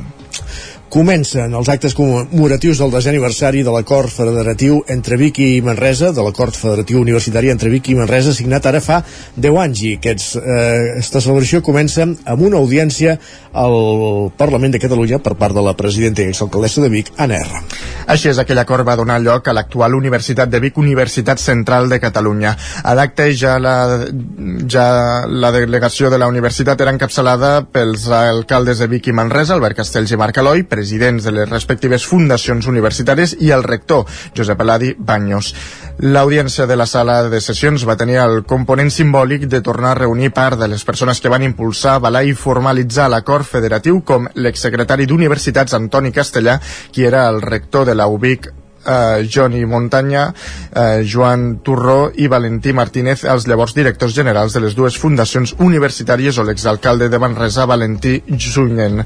La commemoració de, de, dels 10 anys continuarà aquest divendres a Manresa i dijous de la setmana que ve es farà l'acte de celebració a Vic. L'Espai d'Entitats del Mercat Municipal de Manlleu acull la celebració de l'any Amasic 2974. Una celebració que va coincidir també amb els 30 anys de l'associació Jameyat eh, Salam, que difon aquesta cultura a la comarca. És per aquest motiu que els passadissos d'entitats del Mercat Municipal de Manlleu es van convertir en una petita exposició plena de tagins, barrets, banderes, instruments i fotografies. Allà s'hi van llegir poemes que després es traduïen al català, ja que la cultura fou forma part també d'aquesta celebració. Hassan Bouziane és membre d'aquesta associació. Es fa la festa i al mateix temps eh, se demostren llibres, es demostren lletres, històries, eh, es, es demostra tot el que relaciona amb aquesta cultura i és maco. Es profita per llegir poemes, fins i tot sempre que es pot es pot fer un, un, cors, un concert, com ja han fet moltes vegades a la comarca. Des de la comunitat musulmana parlaven d'un any especial també perquè coincideix amb les tres dècades de la creació d'aquesta associació. El dia quan va arribar ens vam pensar de muntar una associació cultural, d'allà va començar tot i l'objectiu l'objectiu era, era per participar i col·laborar amb les festes del barri, del poble, festes catalanes i al mateix temps fer, les, fer la, la, la nostra cultura i un cop finalitzada la celebració des de l'entitat desitjaven el millor per al 2974 i també per al 2024. Gràcies, Sergi. Més qüestions anem ara cap al Moianès per explicar-vos que l'Ajuntament de Moià i la policia local han signat un conveni amb l'empresa Insigna per reciclar uniformes a través del programa Reuniform. Roger Ram, zona codinenca. Exacte, la iniciativa ha nascut després d'adonar-se que aquest tipus de material, els uniformes, no es pot reutilitzar un cop s'ha fet servir i s'ha deteriorat. Fins ara l'única alternativa de l'Ajuntament de Mollà i de molts altres municipis catalans era destruir-lo. En total, aquest nou acord que s'ha signat ha permès reciclar ja un centenar de peces. Escoltem Montse Ferrer, regidora de Medi Ambient de l'Ajuntament de Mollà. Val, aquesta, aquest projecte surt de l'empresa Insigna, és una empresa que subministra en el cas de l'Ajuntament de Mollà la uniformitat policial i a través d'un programa que es diu Reuniform el que fem nosaltres és entregar-los tota la roba que ja no fem servir. Portàvem molts anys acumulant aquesta uniformitat policial perquè no ens en podem desprendre de cap manera, només destruir-la i en aquest cas doncs, ha suposat treure'ns eh, eh, una roba en desús que havien d'anar guardant i que no sabíem realment què fer-ne. A partir d'ara, el material d'aquest centenar d'uniformes passarà un procés per convertir-lo en fil, que posteriorment ha de servir per fer nous uniformes per diferents serveis d'emergència i seguretat d'arreu del país. Se'n diu tancar el cercle. Gràcies, Roger. Més qüestions. Aquesta setmana a Cardedeu eh, gran part de les novetats eh, que pararà la Tèxtil Rasa i la seva última fase d'obertura al públic en tots els seus aspectes i l'última notícia ha estat saber que els serveis de cultura hi estaran instal·lats abans de finals de la setmana que ve Enric Rubio, Ràdio Televisió Cardedeu. Doncs així és, Isaac. A partir del 8 de febrer, la Tèxtil Rases serà la seu dels serveis i del personal municipal de cultura. L'accés d'atenció al públic serà pel passadís lateral exterior, des d'on es podrà accedir als despatxos amb ascensor o a través de les escales. El personal i els serveis de cultura es traslladen de Vila Paquita a la Tèxtil Rase a partir d'aquesta setmana i de manera progressiva. I la previsió és que el personal tècnic municipal ja estigui instal·lat als nous despatxos i espais de la primera planta de la Tèxtil Rase, com comentàvem a finals d'aquesta setmana. L'atenció al públic es mantindrà, això sí, a Vila Paquita fins al 7 de febrer i l'endemà ja s'atendrà al nou equipament. D'aquesta manera, a partir del dijous 8, tots els serveis i el personal de cultura ja estaran instal·lats a la tèxtil. L'accés d'atenció al públic, recordem, serà pel passeig lateral exterior entre el conjunt de naus i el bloc de pisos i des on es podrà accedir a l'atenció i als despatxos amb ascensor o a través de les escales. Gràcies, Enric, i acabem aquesta roda informativa al Ripollès perquè l'Ajuntament de Ripoll impulsa uns Jocs Florals del Comte Guifré. Isaac Muntades, la veu de Sant Joan. Aquest 2024 l'Ajuntament de Ripoll impulsarà la primera edició dels Jocs Florals del Comte Guifré. Es tracta d'un certamen literari que tindrà dues modalitats, la de prosa i la de poesia. A més a més, seran uns Jocs Florals no només pels ripolleros, sinó que tindran abast nacional i qualsevol persona d'arreu de Catalunya hi podrà participar. Els temes dels relats o de les poesies seran lliures. Això sí, per poder optar a guanyar-los, hauran de complir una sèrie de requisits tal com explicava l'alcaldessa Sílvia Oriol Oriols. Totes les obres, això sí, han de ser escrites en català, han de ser treballs inèdits, és a dir, que no hagin set presentats en altres certàmens que encara no han adjudicat eh, els premis, ni que hagin set premiats en d'altres concursos. L'extensió per a la prosa ha de ser de 2 a 50 fulls i per a poesia l'extensió és lliure. S'han de presentar les obres a través d'un correu electrònic o bé físicament a l'Ajuntament de Ripoll. Publicarem a la pàgina web de l'Ajuntament les bases per per saber doncs, amb quin format de lletra, amb quin interlineat s'han de presentar les obres. El termini per presentar les obres comença l'1 de febrer i es podrà fer fins al 5 de març. Hi haurà un total de 4 subcategories per edat, una de nens d'entre 10 i 12 anys, una altra per adolescents de 13 a 15, una altra de 16 a 18 i finalment la categoria pels majors d'edats. Hi haurà premis econòmics que aniran dels 180 als 250 euros pels primers classificats i dels 100 als 150 euros pels segons i tercers premis. El jurat estarà format per 5 autors i lletraferits del Ripollès, els quals ja estan emparaulats, però encara no es revelaran. El jurat analitzarà aquestes obres i decidirà per unanimitat qui és el guanyador de cada categoria. També tenen la potestat per deixar el premi desert. El veredicte dels guanyadors es donarà el pròxim 23 d'abril, coincidint amb la Diada de Sant Jordi. Com deia l'alcaldessa, l'objectiu d'aquests Jocs Florals és reivindicar la identitat catalana i que els joves i la gent gran tinguin una motivació per escriure en català i donin vida cultural al municipi. L'Ajuntament també té previst posar-se en contacte amb les escoles i l'Institut Abat Oliva per poder fer-ne partícips als nens. Gràcies, Isaac. Acabem aquí aquest repàs informatiu que començàvem al punt de les 10 en companyia d'Isaac Muntades, Roger Rams, Enric Rubio i Sergi Vives. És moment al territori 17 de parlar del temps per no rebentar i ho fem sempre en companyia d'en Pep Acosta que sí, que, que rebenta perquè veu que això de la situació meteorològica no, no, no millora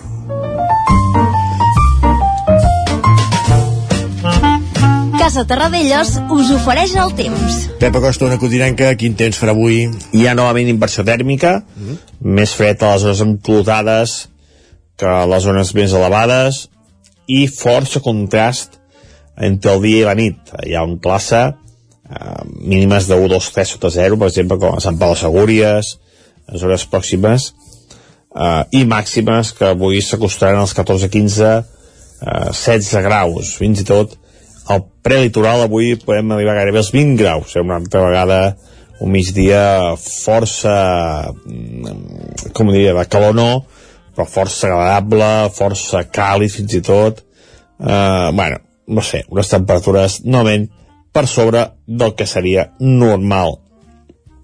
I no es veu eh, cap indici de canvi, almenys aquesta setmana. Eh, la tindrem igual l'anticicló es reafirma eh, no sé, demà, eh, demà serà un dia important, demà molts municipis entren en fase d'emergència de sequera, veurem, veurem què comporta, veurem segurament reduir la pressió de les aixetes, eh, menys aigua pel camp, menys aigua per la indústria, veurem, veurem què acaba passant perquè ja estem en fase d'emergència i, i veurem com, com esclata tot plegat perquè les reserves d'aigua no paren de baixar i de moment la pluja no està ni se l'espera. Ens escoltem demà, ja serà el mes de febrer. Quan sent febrer, demà, aviam si es comporta com van a ser el febrer, amb una mica de pluja i amb més fred. Però no tinc gaires esperances, eh? No... La cosa està molt malament. Vinga, fins demà. Adeu. Gràcies, Pep. Parlem demà, que ja serem, com bé apuntaves, ja mes de febrer. Canviarem el mes, ja. I fa 4 dies que vam començar l'any. De fet, bueno, més que 4 en fa 31, exactament, perquè avui és el 31 de gener. Som-hi. Gràcies, Pep, fins demà. Casa Tarradellas us ha ofert aquest espai. Territori 17. Envia'ns les teves notes de veu per WhatsApp al 646 079 023. 646 079 023. WhatsApp Territori 17.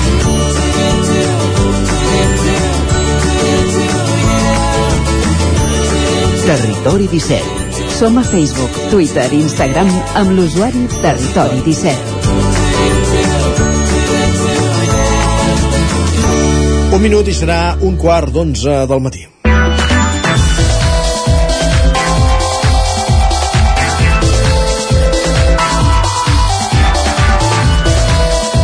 I al Territori 17 a aquesta hora és temps pels solidaris, l'espai que cada setmana ens acosten des de Ràdio Vic, en concret la Laura Serrat, per conèixer eh, aquelles persones de les nostres comarques que treballen pels qui més ho necessiten. Cada setmana entrevistem o una entitat del tercer sector o un ajuntament, avui toca un ajuntament i en concret ens fixem en Call d'Atenes i avui la Laura Serrat conversa amb el seu regidor eh, Rafael Gámez. Per tant, sense més, anem cap a Ràdio Vic. Laura Serrat, benvinguda un dimecres més al Territori 17. Bon dia. Ens espera el regidor de Cultura i Sanitat, Salut Pública i Benestar Social de l'Ajuntament de Call d'Atenes, Rafael Gámez. Després d'haver dedicat la seva vida professional a l'infermeria, Gámez ocupa ara el càrrec des de la jubilació. Avui, des de Ràdio Vic i a través de l'antena del Territori 17, ens parla dels reptes del municipi i dels projectes que tenen entre mans des del sector social. Abans de res, ens pot fer 5 cèntims sobre la seva trajectòria professional? Tinc 65 anys, eh, sóc una persona jubilada de fa molt poquet temps i he estat treballant durant molts anys amb el ram de sanitat. He treballat com a infermer i posteriorment com metge, pues això, fins als 65 anys. Bàsicament això, tota la vida treballant en sanitat. I com van ser els passos fins a arribar al consistori? Bueno, d'alguna manera va ser a través d'un amic antic alcalde de Call d'Atenes, que és en Jaume Mas, que va ser molts anys. Li tinc molt carinyo i molt respecte. Em va demanar si podia col·laborar amb, amb aquest projecte i, bueno, vas dir encantat i aquí som. La gent de Call d'Atenes ha volgut que, que poguessin sortir a dins del meu grup de compromís per Call d'Atenes i hem iniciat la labor. I des d'aquest càrrec recent encetat, quines han estat les primeres accions que ha pres en el sector social des que el va assumir? Bé, com tota persona nouvinguda amb un tema que mai l'ha desenvolupat, ha estat posar-me al dia de tota la problemàtica que pot haver-hi amb, amb el meu entorn. L'experiència que no tens en aquest camp fa que, bueno, els primers dies, inclús els primers mesos, eh, estigui una posada al dia, eh, intentar informació al màxim de la regidoria que et pertoca i també pues, la problemàtica que, que hi ha al poble. Intento participar al màxim de sessions sobre diferents temes de benestar social, xerrades... D'alguna manera estic apareixent en aquest món i m'estic posant al dia. I en aquest sentit, quines creu que són, doncs, les necessitats socials més urgents a la seva comunitat? Bé, el d'Atenes és una població d'Osona, és una població amb gent tota la vida, tota la vida ha viscut aquí.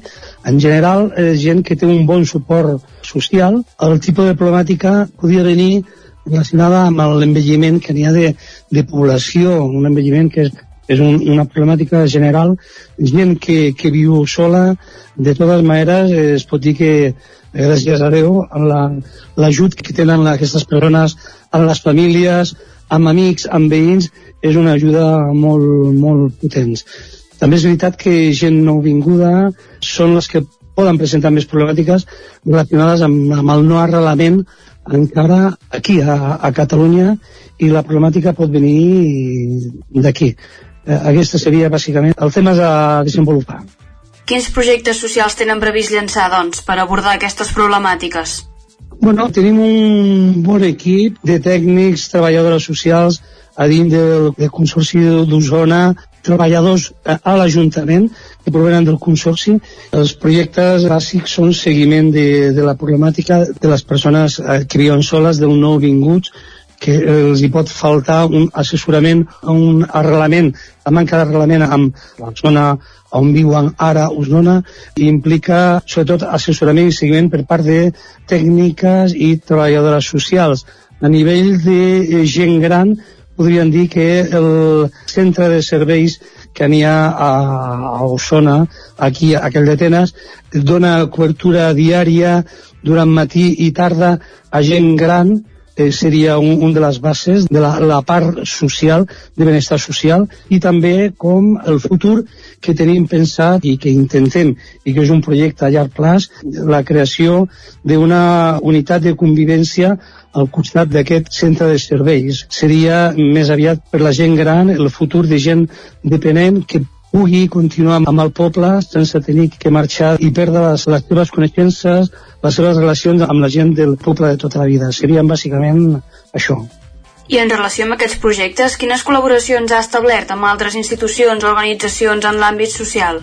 Bé, de moment, a través de, del Consorci d'Osona, és bàsicament el contacte amb ell a través de treballadores i tècniques. Bàsicament és el Consorci amb les persones que ens poden ajudar a nivell d'ajut econòmic, a nivell d'assessorament eh, legal, assessorament legals i continuïtat amb aquest oferiment econòmic, de seguiment, de recolzament a totes les persones amb, amb aquestes problemàtiques socials. Parlem-ne d'aquest suport econòmic. Quines oportunitats de finançament o col·laboració cerca per recolzar aquestes iniciatives? Bé, partim de la base que l'economia que tenim és l'economia en tota la problemàtica que recentment s'està veient. Tots els ajuntaments econòmicament estan justos, els pressupostos són justos, la Generalitat també eh, té una problemàtica econòmica important. S'intenta arribar a tots els puestos, però realment el diners a repartir són molt justets. Eh, aquesta és la, la veritat. Creu que fan falta més recursos per arribar a cobrir tota aquesta demanda d'ajuda social? Sí, el finançament que ten, sempre estem infrafinanciat. Intentes solucionar temes però les solucions no són totals, perquè realment no disposes al darrere d'una bona cobertura. El tema econòmic és molt important. Jo crec que, que es falta finançament. Quins reptes ha trobat fins ara en relació amb la gestió d'aquest sector social? Bueno, el repte a, nivell personal ha estat gran perquè venim com venia del món sanitari on la preocupació i el contacte amb la gent és un contacte diari i és un contacte molt íntim i realment l'empatia que pots tenir amb, o, o que tenia amb els meus pacients intento traslladar-lo amb tota la problemàtica de gent que presenta problemes socials amb, amb el meu ajuntament. M'agradaria poder fer més, ens agradaria més a tots anar a més, la problemàtica és important, però la veritat és que estem, estem a la labor i intentem que, que això vagi a millor amb totes les ganes del món. I en relació amb aquest vincle, quin creu que ha de ser el paper de l'Ajuntament pel que fa a l'atenció a les persones? Bé, la idea de l'Ajuntament és, és la idea de persones escollides pel seu mateix poble. La preocupació de tots els regidors eh, de, dins de l'Ajuntament és una preocupació màxima. El mitjans que poden tenir la necessitat de solucionar temes, indudablement l'empatia que n'hi ha per part de tothom, intentar minimitzar efectes negatius sobre els ajudes de les persones. Això és una idea màxima que està dins de, de la meva regidoria, crec que en, en totes les regidories dels meus companys. Pensem que al davant de tot estan les persones, nosaltres estem aquí durant un temps, intentem fer les coses el millor possible, però indudablement eh, nosaltres estem aquí perquè, perquè les persones es han posat i perquè la nostra, la nostra vida amb, amb aquí, amb aquest temps, el temps que estiguem en un ajuntament, són, són les persones, indubtablement. Pot agradar més o menys, el fet com fem les coses o els tempos per aconseguir resultats, però les idees estan clares. Eh? El centre de tota la nostra actuació són, són les persones. I de cara al futur, quins projectes li agradaria veure complerts un cop acabi aquest mandat? A nivell individual, tot el que he intentat fer, o la majoria de coses que he intentat fer, han sortit endavant. Com projectes a nivell de benestar social, indudablement, el tema de les unitats de convivència, que és una idea a llarg plaç, que és una idea cara, que és una idea de no fer una residència típica a la població, a Call d'Atenes, que hi estigui, que pugui sorgir, que tingués prou diners, que la idea es pugui materialitzar i que, que bueno, que molta gent del poble es pugui beneficiar i pugui continuar pues, aquí. Eh, els últims anys tenen dependència, no poden estar a casa seva, les seves famílies no poden estar al seu costat, que aquestes unitats de convivència que estarien demà de, o al costat del centre de serveis amb el personal que podria col·laborar tant amunt com a l'altre lloc eh, es pogués fer una realitat jo crec que és un tema que seria molt, molt important. Amb altres pobles ja s'està fent i és una idea que jo crec que pot ser brillant i positiva per tota la gent del poble. I mirant el més enllà possible cap al futur, quin seria el futur ideal que s'imagina pel seu municipi? Quin seria? Doncs que ni el regidor de Benestar Social ni la regidoria de, de Benestar Social eh, ni que existia. Perquè seria indicatiu de que la problemàtica, aquesta problemàtica que tenim al voltant no existeix. S'ha solucionat i realment no, no faria falta tenir persones específiques per a aquests temes, sinó que estaríem en un món ideal. És molt difícil. Jo crec que, que la regidoria i regidors d'aquest tema tenen que existir durant molt temps. Molt bé, Rafael, moltes gràcies per ser avui aquí amb nosaltres i fins aviat. Gràcies, molt amable. Gràcies. Gràcies a tu també, Laura, una setmana més eh, per acostar-nos la realitat de, del tercer sector de la comarca d'Osona avui en conversa amb aquest regidor, amb Rafael Gámez, regidor de l'Ajuntament de Call Llateres. Nosaltres el que farem serà arribar al punt de la pausa, abans de dos quarts d'onze, i arribarem a la pausa amb música, amb una cançó que s'estrena avui de les tarragonines Roba Estesa i que porta per títol Desacatant. Amb elles, fins a la pausa i després el que falta per completar el territori 17 d'avui, avui dimecres. Avui dimecres 31 de gener, després de la pausa serà el torn de les piulades amb en Guillem Sánchez, passarem per l'alegria interior, la secció que ens porta cada 15 dies en Jordi Soler, i avui descobrint un nou concepte, Ama Oto, el so de la pluja quan cau a terra, aquell so que fa dies que no sentim. I acabarem el programa Lletra Ferits amb en Roger Rams conversant amb la jove escriptora bellesana Maria Arimany. Ara, però, música fins la pausa. Desacatant, roba estesa. Para perduda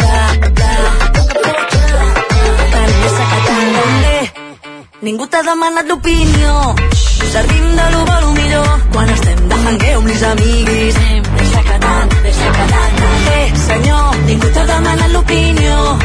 Servim de lo bo lo millor Quan estem de hangueu amb les amiguis. Deixa que tant, deixa que tant. Calma ofensiva, ràbia tendra, romanticisme. Enfadat Ulles punxegudes amb els somriures afilat Deixem relats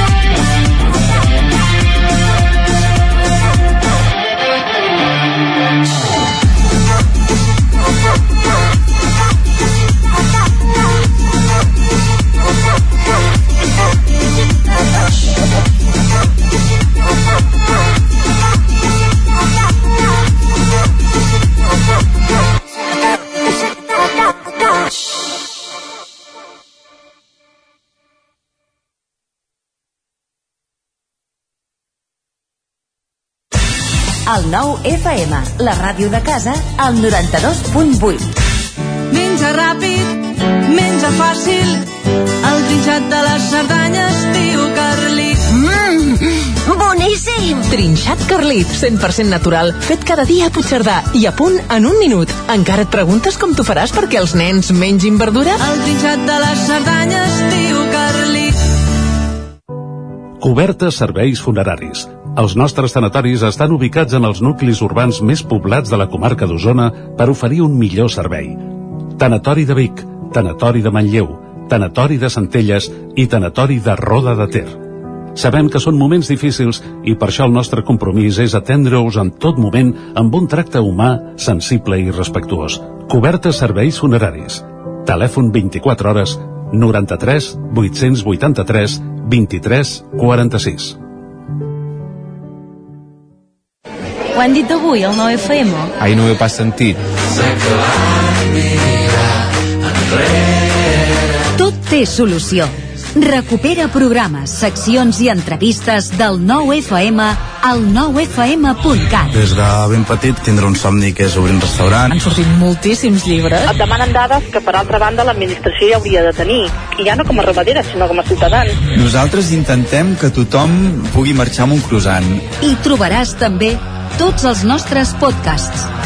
L'infopodcast del 9-9, cada matí a partir de dos quarts de vuit. I comencem parlant d'un tema punyent. Persones que passen per moments de gran dolor. L'infopodcast del 9-9. La lupa d'Agustí Danés cada divendres. La lupa, Agustí Danés. Els aniversaris. Cada vegada vivim més anys i cada vegada hi ha menys naixements. La combinació d'aquestes dues evidències distorsiona la piràmide d'edat. Paraula d'enfruns, el nostre podcast de llengua cada dimecres. Quan escoltem ho fem voluntàriament i en canvi sentir, podem sentir moltes coses encara que nosaltres no ho vulguem. Bruixes del dia, el podcast de dones i bruixes de Laura Centelles i Maria Saladic. Estàs escoltant Bruixes del dia. La meva relació amb la mort és totalment diferent, perquè jo morts, diguéssim, físiques d'un cos, n'he vist crec que una a la meva vida. Feeling the Cinc, l'actualitat de casa nostra en anglès. Hello and welcome to Filling the Sink, a podcast from Catalan News. My name is Lucía. I també tots els relats finalistes del concurs de narrativa curta del 9-9. He despertat a mig de la foscor. Tinc la boca seca i els ulls El 9fm.cat, la ràdio en línia i els podcasts del 9FM. En punt, dos quarts d'onze, al territori 17. Dos quarts d'onze, moment de saludar com cada matí en Guillem Sánchez, qui el tenim als estudis aquí al 9FM. Benvingut, Guillem, bon dia. Moltes gràcies per aquesta rebuda. Què tal? Eh, M'ha estès la catifa vermella, com cada matí, quan entres tu a l'estudi.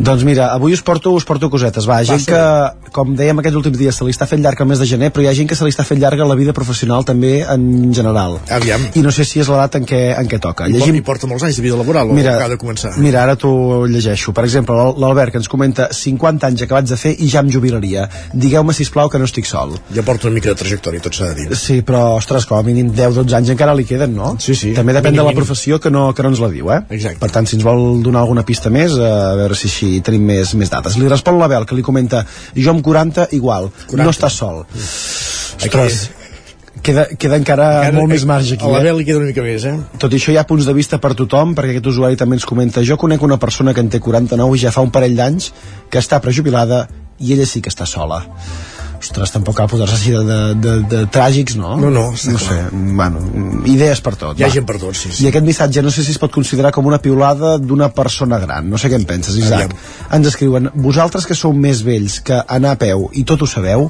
ja tinc les meves primeres ulleres progressives. Després d'això què toca? Apuntar-se a pàdel o apuntar-se a aquagym? Jo diria que l'aquagym i el pàdel van abans, eh, que les ulleres progressives, però vaja i de problemes de persones grans a problemes de persones joves. Ens escriuen no ens calien proves PISA per constatar que els alumnes arribaven a batxillerat amb greus mancances i que a gairebé cap assignatura s'aprovarien exàmens de la dècada anterior. Bé, estem, estem com estem, no? És greu, eh, veure que, que les noves generacions saben menys que les anteriors. Allò que diuen, tothom venia més preparat que els seus doncs, pares, doncs potser, potser, potser estem revertint això. no, eh? Exacte. Vai, aquest usuari ho té molt clar i ens escriu avui, demà procuraré quedar-me un mòbil nou i comprar-me una funda, que semblo burro també. Soc un destraler i després passa el que passa. Diu, així podré tornar a penjar fotos, amb aquest no puc, que us importin una merda i selfies amb cara intensito. Carai, tu. Molt important tenir un mòbil que faci bones fotos. I és la recomanació del dia d'avui sí? per tothom. Perquè una càmera no cal. Llavors. Et pot salvar de moltes situacions. De moment no he vist encara càmeres que puguin fer trucades de, no, no, no. de telèfon mòbil no. ni enviar missatges. Per tant, em quedo el mòbil bueno, de moment. A, a, a fotografia sí que n'envien les càmeres, eh? Sí, però no pots trucar, no? Ah, no, trucar no. Enviar fotos sí, però, però trucar no. Va, i aquesta opinió de la Marta no sé si es podria considerar com d'aquelles una mica impopulars. A veure què, què et sembla, Isaac. Marta, t'escoltem. Diu enèsim tuit que veig amb una foto d'un contenidor ple de llibres vells i que deuen estar a cada casa amb gent plorant perquè llançar llibres és un sacrilegi i que dolentes les biblioteques que no els accepten. Diu, hem de començar a trencar aquesta aura santa que se li donen també als llibres. Carai. També depèn del llibre, no? Suposo. Depèn del Eh, llibre, de la aquí- història que aquí va tingui la cosa, darrere i de la sí, sí. biblioteca que, que hi hagi. Va, i seguim amb la tònica d'aquesta setmana, Isaac. Avui toca en Quim, que ens diu Fa un mes us semblava molt guai que l'any comencés en dilluns i ara us queixeu que el gener tingui 5 inicis de setmana. Diu, doncs va tot en el mateix pack. Ben Bé, cert. Avui, últim dia, eh? Últim dia, últim dia del mes de gener. demà ja febrer, eh? I per tant ja podrem començar a parlar de, de carnavals, Molt ja fa dies que en parlem. d'enterraments de sardines, de disfresses i de, sí, i de tot el que toqui per aquesta època. Va, i reflexió sempre d'un referent, com és en Ramon Besa, que després d'ahir de la roda de premsa d'en Xavi em va, em va deixar anar una. Ja. Diu, els periodistes ens equivoquem molt i passem per un moment difícil, però ni posem ni traiem entrenadors. Diu, no som el cul de sac dels mals del món i del Barça. Diu, se'ns pot utilitzar per explicar la misèria, però sense molts dels que van, ens van ensenyar l'ofici no s'hauria arribat a la glòria. Xavi no llegeix Twitter, oi? I, mm, crec que deu tenir altra feina. Ah, entesos. I l'Andreu ens hi afegeix, diu, tant a Xavi com al Barça els aniria molt bé que Xavi no fes cap més roda de premsa fins a final de temporada. crec que això és difícil que passi, eh? Sí, perquè de fet est- hi està obligat, oi? Va, i acabarem amb dues reflexions. Primer, la d'aquest usuari que ens diu com a persona que odia que interactuïn amb ell en qualsevol espectacle, deixeu-me dir que estic totalment en contra d'aquests monologuistes que volen que el públic participi. Diu, mai en el meu nom. És que si vas en... depèn de quin espectacle, et Podria pots trobar una mica fotut, eh, eh? tuit. Sí? Sí, sí. I ho complementem va, amb aquesta piulada també de- d'avui que ens diuen no preguntis mai a una dona la seva edat, a un home el seu sou i al còmic alemany salvador de la llengua catalana la seva opinió sobre Palestina. D'acord. Ah, ah, ah, hi ha hagut eh, re- seqüeles. Sí, sí, sí, sí. Uh, tot és molt delicat en aquest món. Està clar que aquest món no, no, no, no hi ha dues persones iguals. Correcte. Poden passar coses. Correcte. Gràcies, Sánchez. Va, ens escoltem Fins demà. Que vagi bé. Adéu.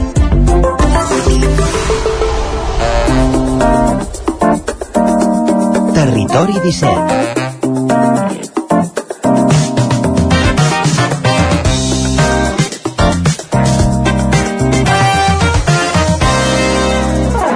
5 minuts que passen de dos quarts d'onze del matí.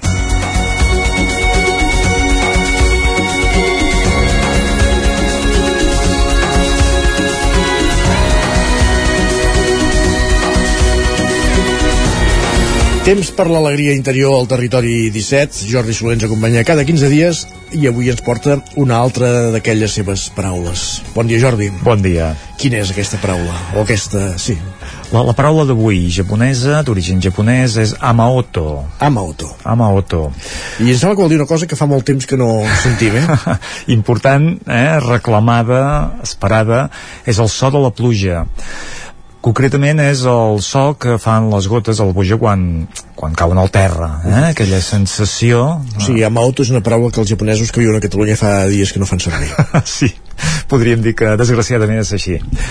El que sí que a mi m'agrada, aquestes sí. paraules que anem traient cada 15 dies, és veure el significat profund que té, saber-lo exprimir una mica, no? saber-lo entendre, interpretar i aprofitar.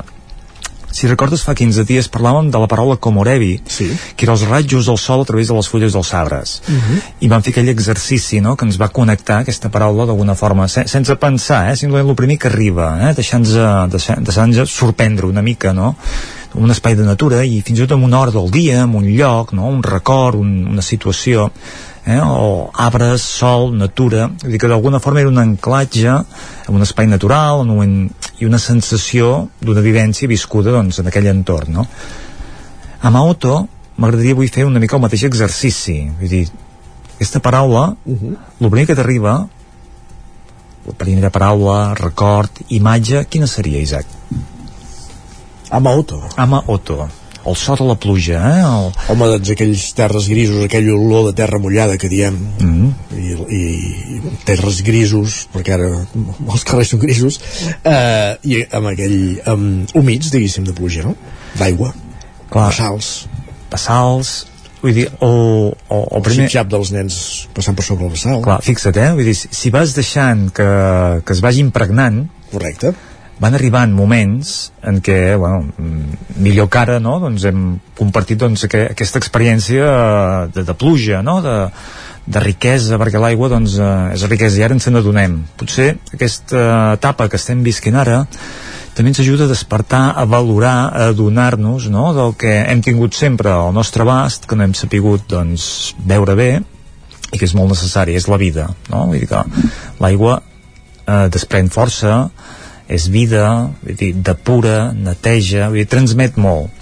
Llavors, la paraula Maoto, hi ha una mica l'exercici que, que faig, és allò, tenques els ulls, no? connectes, sí. van apareixent aquestes paraules, no?, que són, bueno, com molt descriptives, no?, que t'arrelen molt, però també imatges, també moments, no?, en què has viscut eh, doncs, eh, aquest, que, bueno, que aquesta pluja, no? O aquesta experiència de so.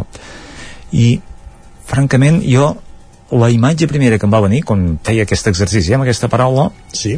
que quan era petit, el primer dia de vacances jo que començava vacances d'estiu que per tant, i que va fer un xàfec impressionant per tant sentia la força de la pluja a la teulada a fora el carrer estava inundat vull dir, era com una mica bueno, una cosa molt intensa, no? era un temporal però clar, i aquell temporal el vaig viure des d'una certa felicitat, tot i que no podíem sortir fora a jugar, no podíem fer les activitats habituals, però clar, era el primer dia de vacances i és un dia molt important per un nen, eh? un nen que, no sé, que tenia 10 anys o 8 anys el cas és que caram, eh, l'experiència d'aquella tarda a casa meva que no podíem sortir, que el temporal gairebé se'ns enduia sentint la força de l'aigua uh -huh. doncs a mi és la, el primer record eh, que, que, que m'ha vingut doncs connectant amb aquesta paraula eh, em venen més imatges em venen, per exemple, un dia que sortíem que anàvem en bicicleta i se'ns va posar a ploure, tu imagina't, quan fas un esport a l'aire lliure la pluja sol, sol ser doncs, un entrebanc, no? Vull dir que no llueix tant. Sembla que si, si vas a caminar a la muntanya, qualsevol esport que practiquis t'agrada més doncs, compartir-lo un bon temps, no? Amb temperatura i un bon solet Total que jo anava renegant, allà anava amb la bici, ostres, ara es posarà a ploure, estem, estava a Vall d'Aran, un recorregut llarg tot el dia per davant, buf, no? I ja començava a crear doncs, una, una expectativa negativa, no? i el sí, meu sí. diàleg era negatiu. Amb aquestes que, bueno, un company de, de la colla va dir, doncs, precisament a mi m'encanten aquests dies, són els millors dies. Diu, home, no, no canviaràs un dia de pluja per un dia de sol, no, no, en absolut mm, sempre voldria que fossin dies així Rúfols. com, com aquest, no? Perquè, clar, jo allà vaig com fer un clic, no? Vaig dir, caram, vull dir, hi ha persones, hi ha gent que realment no busquen un dia de sol, vull dir que aprecien, saben gaudir d'un dia gris. Uh -huh. eh? allò, les muntanyes es veia la, la, la boira no? això gris que deies tu aquest, aquest ambient, no? el bosc moll no? dius, caram, què té de maco això no? però aquesta persona ho ha sabut veure així correcte doncs dius, d'alguna forma aquest clic em va fer ampliar una mica el mapa, no? I... Però, però és allò de quan associem bon temps a sol i bon temps, eh, com, com diu el nostre bon temps de Pep Acosta, bon temps és el que toca. Bon temps és el que toca. No el que, fa, no el que eh, semblaria que llueixi més. Sí, i ara sí que relacionem bon temps amb pluja perquè ho necessitem, no? Exacte, quan, quan, quan ens falta la trobem a faltar i la reclamem i la valorem i, i bueno, d'alguna forma per nosaltres ara en aquests moments i crec que tothom coincidirà és que oh, bon temps és precisament que arribi aquesta aigua que arribi aquesta pluja sí, sí, però el segon dia regarem tots eh? També dic. però si una persona fa una celebració a l'aire lliure o fem alguna activitat que ens estorbi segurament que direm bueno, que s'esperi demà eh? que plogui, que plogui a la nit jo a casa sé que el comentari diu hauria de ploure cada dia moderadament a la nit sí, Exacte. clar, això seria Perfecte. pluja a la carta no? Exacte. doncs clar, el, el comentari aquest em va fer donar d'això i després aquí em va remetre a aquest principi de la PNL que anem traient tot sovint que és el mapa i el territori eh? I podríem dir que en aquesta colla de, de la bici que eren 10 persones i eren 10 mapes diferents llavors vaig descobrir el mapa d'una d'aquestes persones respecte doncs, al tema aquest climatològic no? i ostres eh, tot i que ens pensem que el bo és d'una manera això em va també recordar que aquests mapes, aquests diferents mapes existeixen i que els hem de saber veure, els hem de saber entendre. I en el moment que vaig saber entendre això em vaig posar una mica a la seva pell. I vaig dir, però què et troba de maco aquest company meu en un dia així no? que ens mullem i que no gaudim del paisatge. Què trobo, però aquest, aquesta persona és capaç de fer això. Per tant, jo haig d'intentar entendre-ho. I a partir d'aquell moment reconec que els dies d'hivern freds, els dies de pluja vols mirar d'una altra manera uh -huh. i quan surto a passejar a aquesta època que més aviat doncs el dia és curt fred, glaçat eh, hi ha boira malauradament no està prou ennubulat com hauria d'estar però bueno, la boira doncs ho veig diferent i l'entenc i el situo com una part de l'època hivernal que, que, que, que està bé, que té el seu encant eh? i el bosc humit, moll, gris ara li sé veure aquest encant és saber gaudir de les coses en cada moment no? és saber gaudir d'un dia gris o d'un dia no tant i això què vol dir? vol dir que sabem ampliar el, el mapa, no? Vull dir, quan aquest mapa nostre que es limitava a dir lo maco, lo bo és això, doncs eh, quan rebem un altre mapa i l'acollim, no, no el debatem. No home no, què dius, un dia plujós això t'equivoques. El dia esplèndid és un dia de primavera amb floretes al camp verd i la temperatura ideal. Doncs no, un dia que sigui diferent del que nosaltres entenem com a bo si l'acceptem, l'acollim això ens amplia el mapa i això ens fa més rics i això ens fa d'alguna manera doncs, doncs com que la nostra felicitat és més fàcil de que s'estengui no? de que s'estiri, que no, no, no es limiti a que hi hagi unes condicions determinades per tant poder veure això com una forma de connectar amb un mapa més ampli, aquesta paraula, amb auto, doncs també més útil. de fet, el so, el so de la pluja, so de la música té una finalitat terapèutica, vull dir que hem d'entendre que ens transmet molt la nostra part emocional, doncs es pot despertar, es pot activar, per tant el so, encara que sigui de la pluja, en un moment donat eh, ens pot ser molt útil. Claríssim. Uh, avui hem fet una reflexió a l'entorn de, del temps, de la falta de pluja, a partir d'una paraula japonesa, com cada 15 dies, o com sovint fem en aquesta secció, Ama Oto. Ama Oto. El so de la pluja quan cau la terra, i ja hem afegit ja nosaltres la coeta de dir que fa molts dies que no ho sentim. Jordi, moltíssimes gràcies una setmana més. A vosaltres. I tornem d'aquí 15 dies. I tant. L'alegria interior amb Jordi Soler, que els dimecres sempre dona pas al Lletra Ferits, tot seguit, per tant, parlem de llibres, parlem de literatura, aquí, al Territori 17, quan són tres quarts d'onze del matí.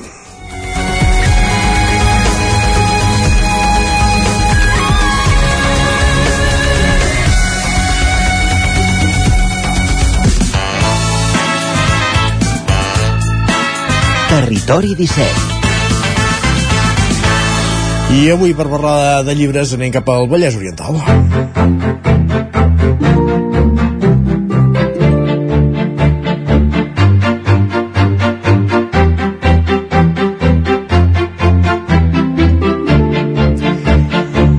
Lletra Ferits anem cap a una codinenca avui per conversar amb Maria Arimany, una jove escriptora ballesana de Llerona, concretament, que va rebre el Premi Documenta 2023 per la seva primera, per la seva òpera prima, El Bosc, i s'hi ha d'anar encara quan, quan és fosc. El Bosc s'hi ha d'anar quan encara és fosc, és el títol d'aquesta òpera prima de la Maria Arimany, un recull de relats amb un absolut protagonisme femení i inspirat en vivències de la pròpia autora.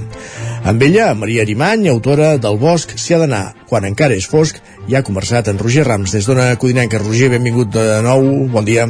Doncs avui als micròfons d'Ona Codinenca hi tenim la Maria Arimany, una jove escriptora del Vallès Oriental, en concret és de Llerona, i que enguany ha guanyat el Premi Documenta amb el seu llibre El bosc s'hi ha d'arribar quan encara és fosc. La podem saludar a aquesta hora. Bon dia, Maria, benvinguda. Hola, bon dia, Roger. Primer de tot, enhorabona per aquest premi. Gràcies, moltes gràcies. Avui parlarem de El bosc si ha d'arribar quan encara és fos, que és un recull de, de contes que, com dèiem, ha estat premiat amb el Premi Documenta i sobre el qual avui en volem conversar amb la seva autora. Primer de tot, Maria, deixa'm preguntar-te què hi trobaran els lectors quan el llegeixin.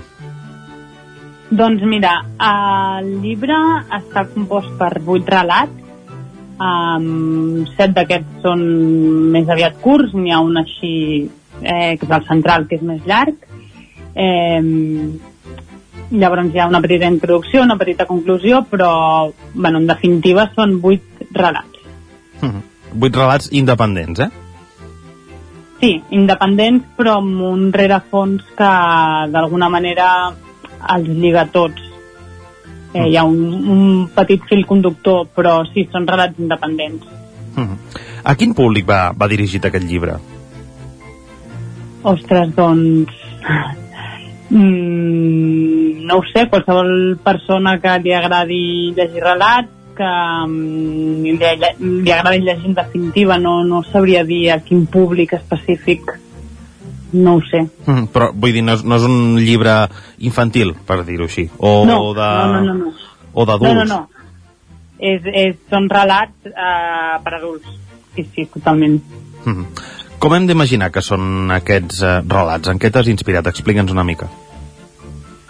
Doncs m'he inspirat en situacions crec bastant quotidianes, coses que m'han explicat i coses que m'han passat a mi. Òbviament no és una biografia ni una autobiografia, però sí que d'alguna manera veuen de coses que he sentit jo o que m'han passat a mi o que m'he imaginat jo. No totes, la majoria no m'han passat, eh? però d'alguna manera de, de coses meves o neguits meus perquè em seria molt difícil parlar de neguits d'altres persones o de, de, realitats que, que em queden llunyanes. Per tant, has, has indagat una mica no, en, en els teus sentiments, al final en, en tu mateixa i, i tot i que no reflexes al 100% el que, el que t'ha passat a tu, sí que és una mica no, un, un mirall, diguem així. Sí, mirall, sí. Uh -huh. No només meu, crec que m'agradaria pensar que hi, molta gent es pot sentir reflexada no? en, en situacions o, o moviments interns que hi ha en aquests contes. Clar, eh, explicant-me això, eh, m'he d'imaginar que el llibre és una eina, podríem dir que és una eina per afrontar aquelles coses que sovint no ens agraden o que, per exemple, que ens fan por. El fet d'escriure, vols dir? Mm. Sí, sí, sí, per mi sí. Um, crec que, que sí, és una bona eina per expressar coses que a vegades uh, de veu uh, costen, costen d'entomar, no?, o d'afrontar. Abans ens deies que, que el llibre estava inspirat una mica en, en tu, en els teus sentiments, en el que tu en definitiva has viscut, però qui són les protagonistes? És a dir, hi ha, hi ha protagonistes o, o no n'hi ha?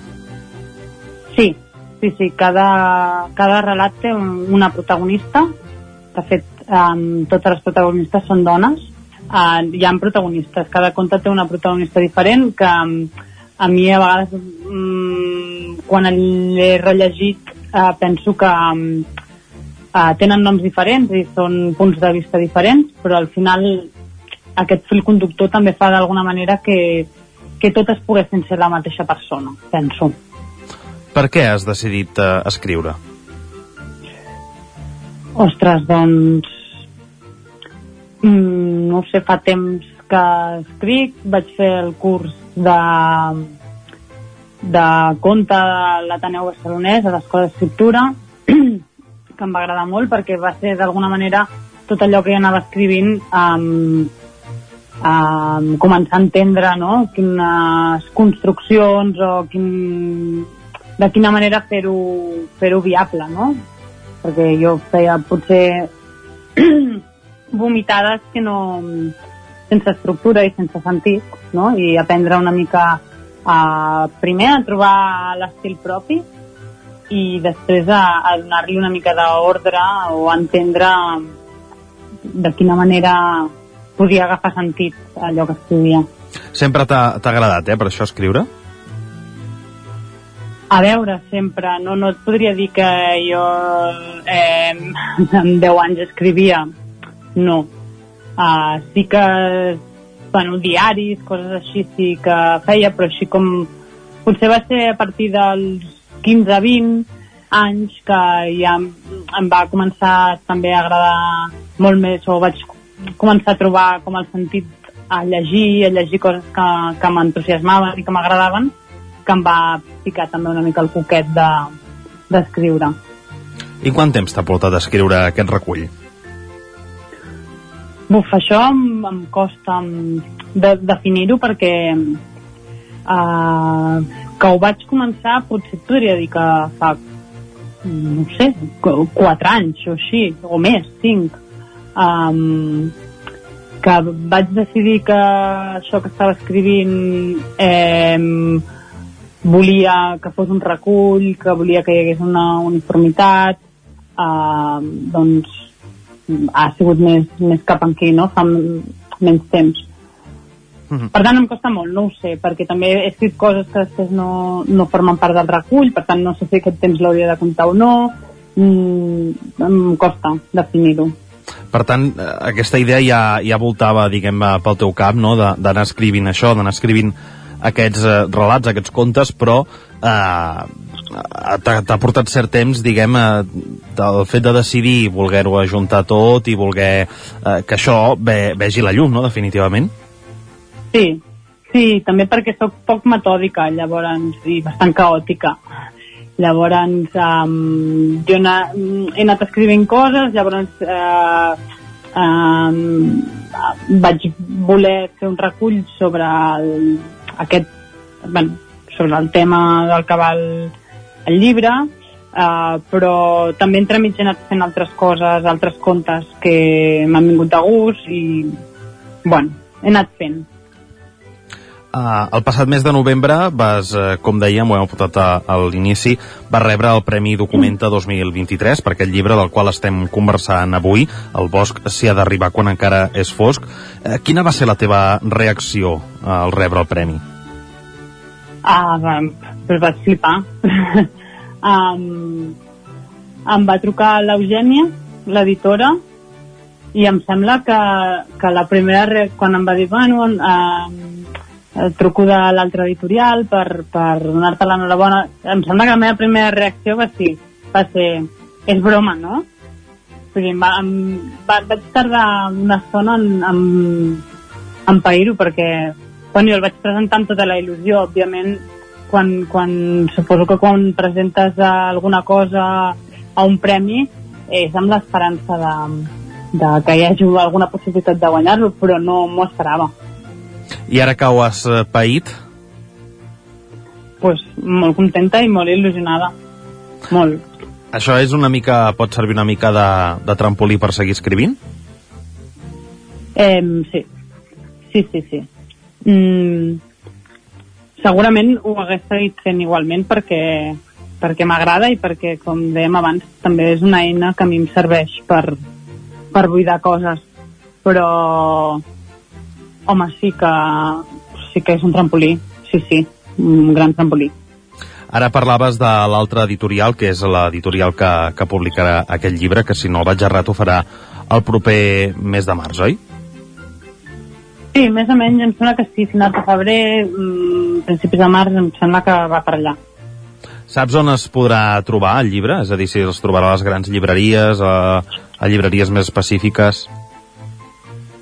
Um, a veure, jo m'imagino que uh, no, no específiques, en les llibreries en general, bueno, m'imagino tenint en compte el, el, el, on es venen els, els llibres de l'altre editorial i del Premi Documenta que en qualsevol llibreria um, es poden trobar. Perfecte, doncs hem conversat amb Maria Arimany, eh, autora de El bosc s'hi ha d'arribar quan encara és fosc, autora ballesana de Llerona. Moltíssimes gràcies per atendre'ns avui aquí a Ona Codinenca, per explicar-nos el teu testimoni i per conèixer una mica més aquest recull que, recordem, es presentarà, el, es publicarà el proper mes de març. Maria, moltíssimes gràcies. Moltes gràcies a vosaltres. Enhorabona pel premi, per la feina feta de tants i tants Gràcies. mesos escrivint i esperem eh, doncs, eh, seguir conversant perquè tenim novetats. Molt bé, moltes gràcies. Que vagi molt bé, moltes gràcies. Igualment. Gràcies també una setmana més a en Roger Rams per, aquesta, per aquest nou lletra ferits eh, que pràcticament tanca el territori 17 d'avui dimecres, ja sabeu la secció que dediquem als món dels llibres, sempre tanca el territori 17 dels dimecres i avui conversant amb aquesta jove autora ballesana la, de, concretament de, de Llerona eh, autora de El bosc s'hi ha d'anar quan encara és fosc ha la Maria Arimany que ha rebut el Premi Documenta 2023 amb ella pràcticament acabem el temps, afer... eh, el temps afegit no, el territori 17 i arribarem al final del programa amb música de la Ludwig Band Gràcies per venir és un dels seus últims llançaments. Ho puc endivinar en els ulls de la gent que es pregunten què fa, cap on va, passa. Com El meu amor s'ha anat de vacances és aquesta cançó del seu darrer treball discogràfic. Gràcies per venir de l'any passat. Un dels discs, un dels discs del 2023 que avui ens serveix per tancar el territori 17 que el meu amor se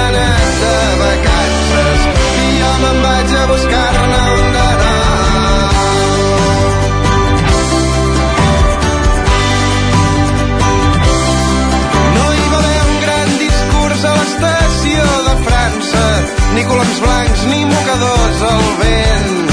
Ai, amor meu, estimar-se és una farsa.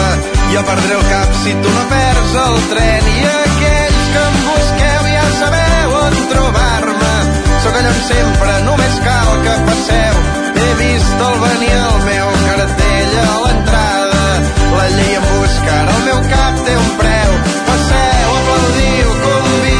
Ludwig Band per acabar el territori 17 d'avui dimecres 31 de gener des de, de 2024 el darrer territori 17 del mes de gener del 24 us hem acompanyat des de les 9 Roger Rams, Isaac Muntades, Enric Rubio Pep Acosta, Laura Serrat Guillem Sánchez Jordi Soler Sergi Vives i Isaac Moreno. I tornem demà a partir de les 9 fins aleshores gràcies per ser-hi, bon dimarts, adeu-siau Territori 17, un magazín del nou FM, Ona Codinenca, Ràdio Cardedeu, Ràdio Vic i La Veu de Sant Joan, amb el suport de la xarxa.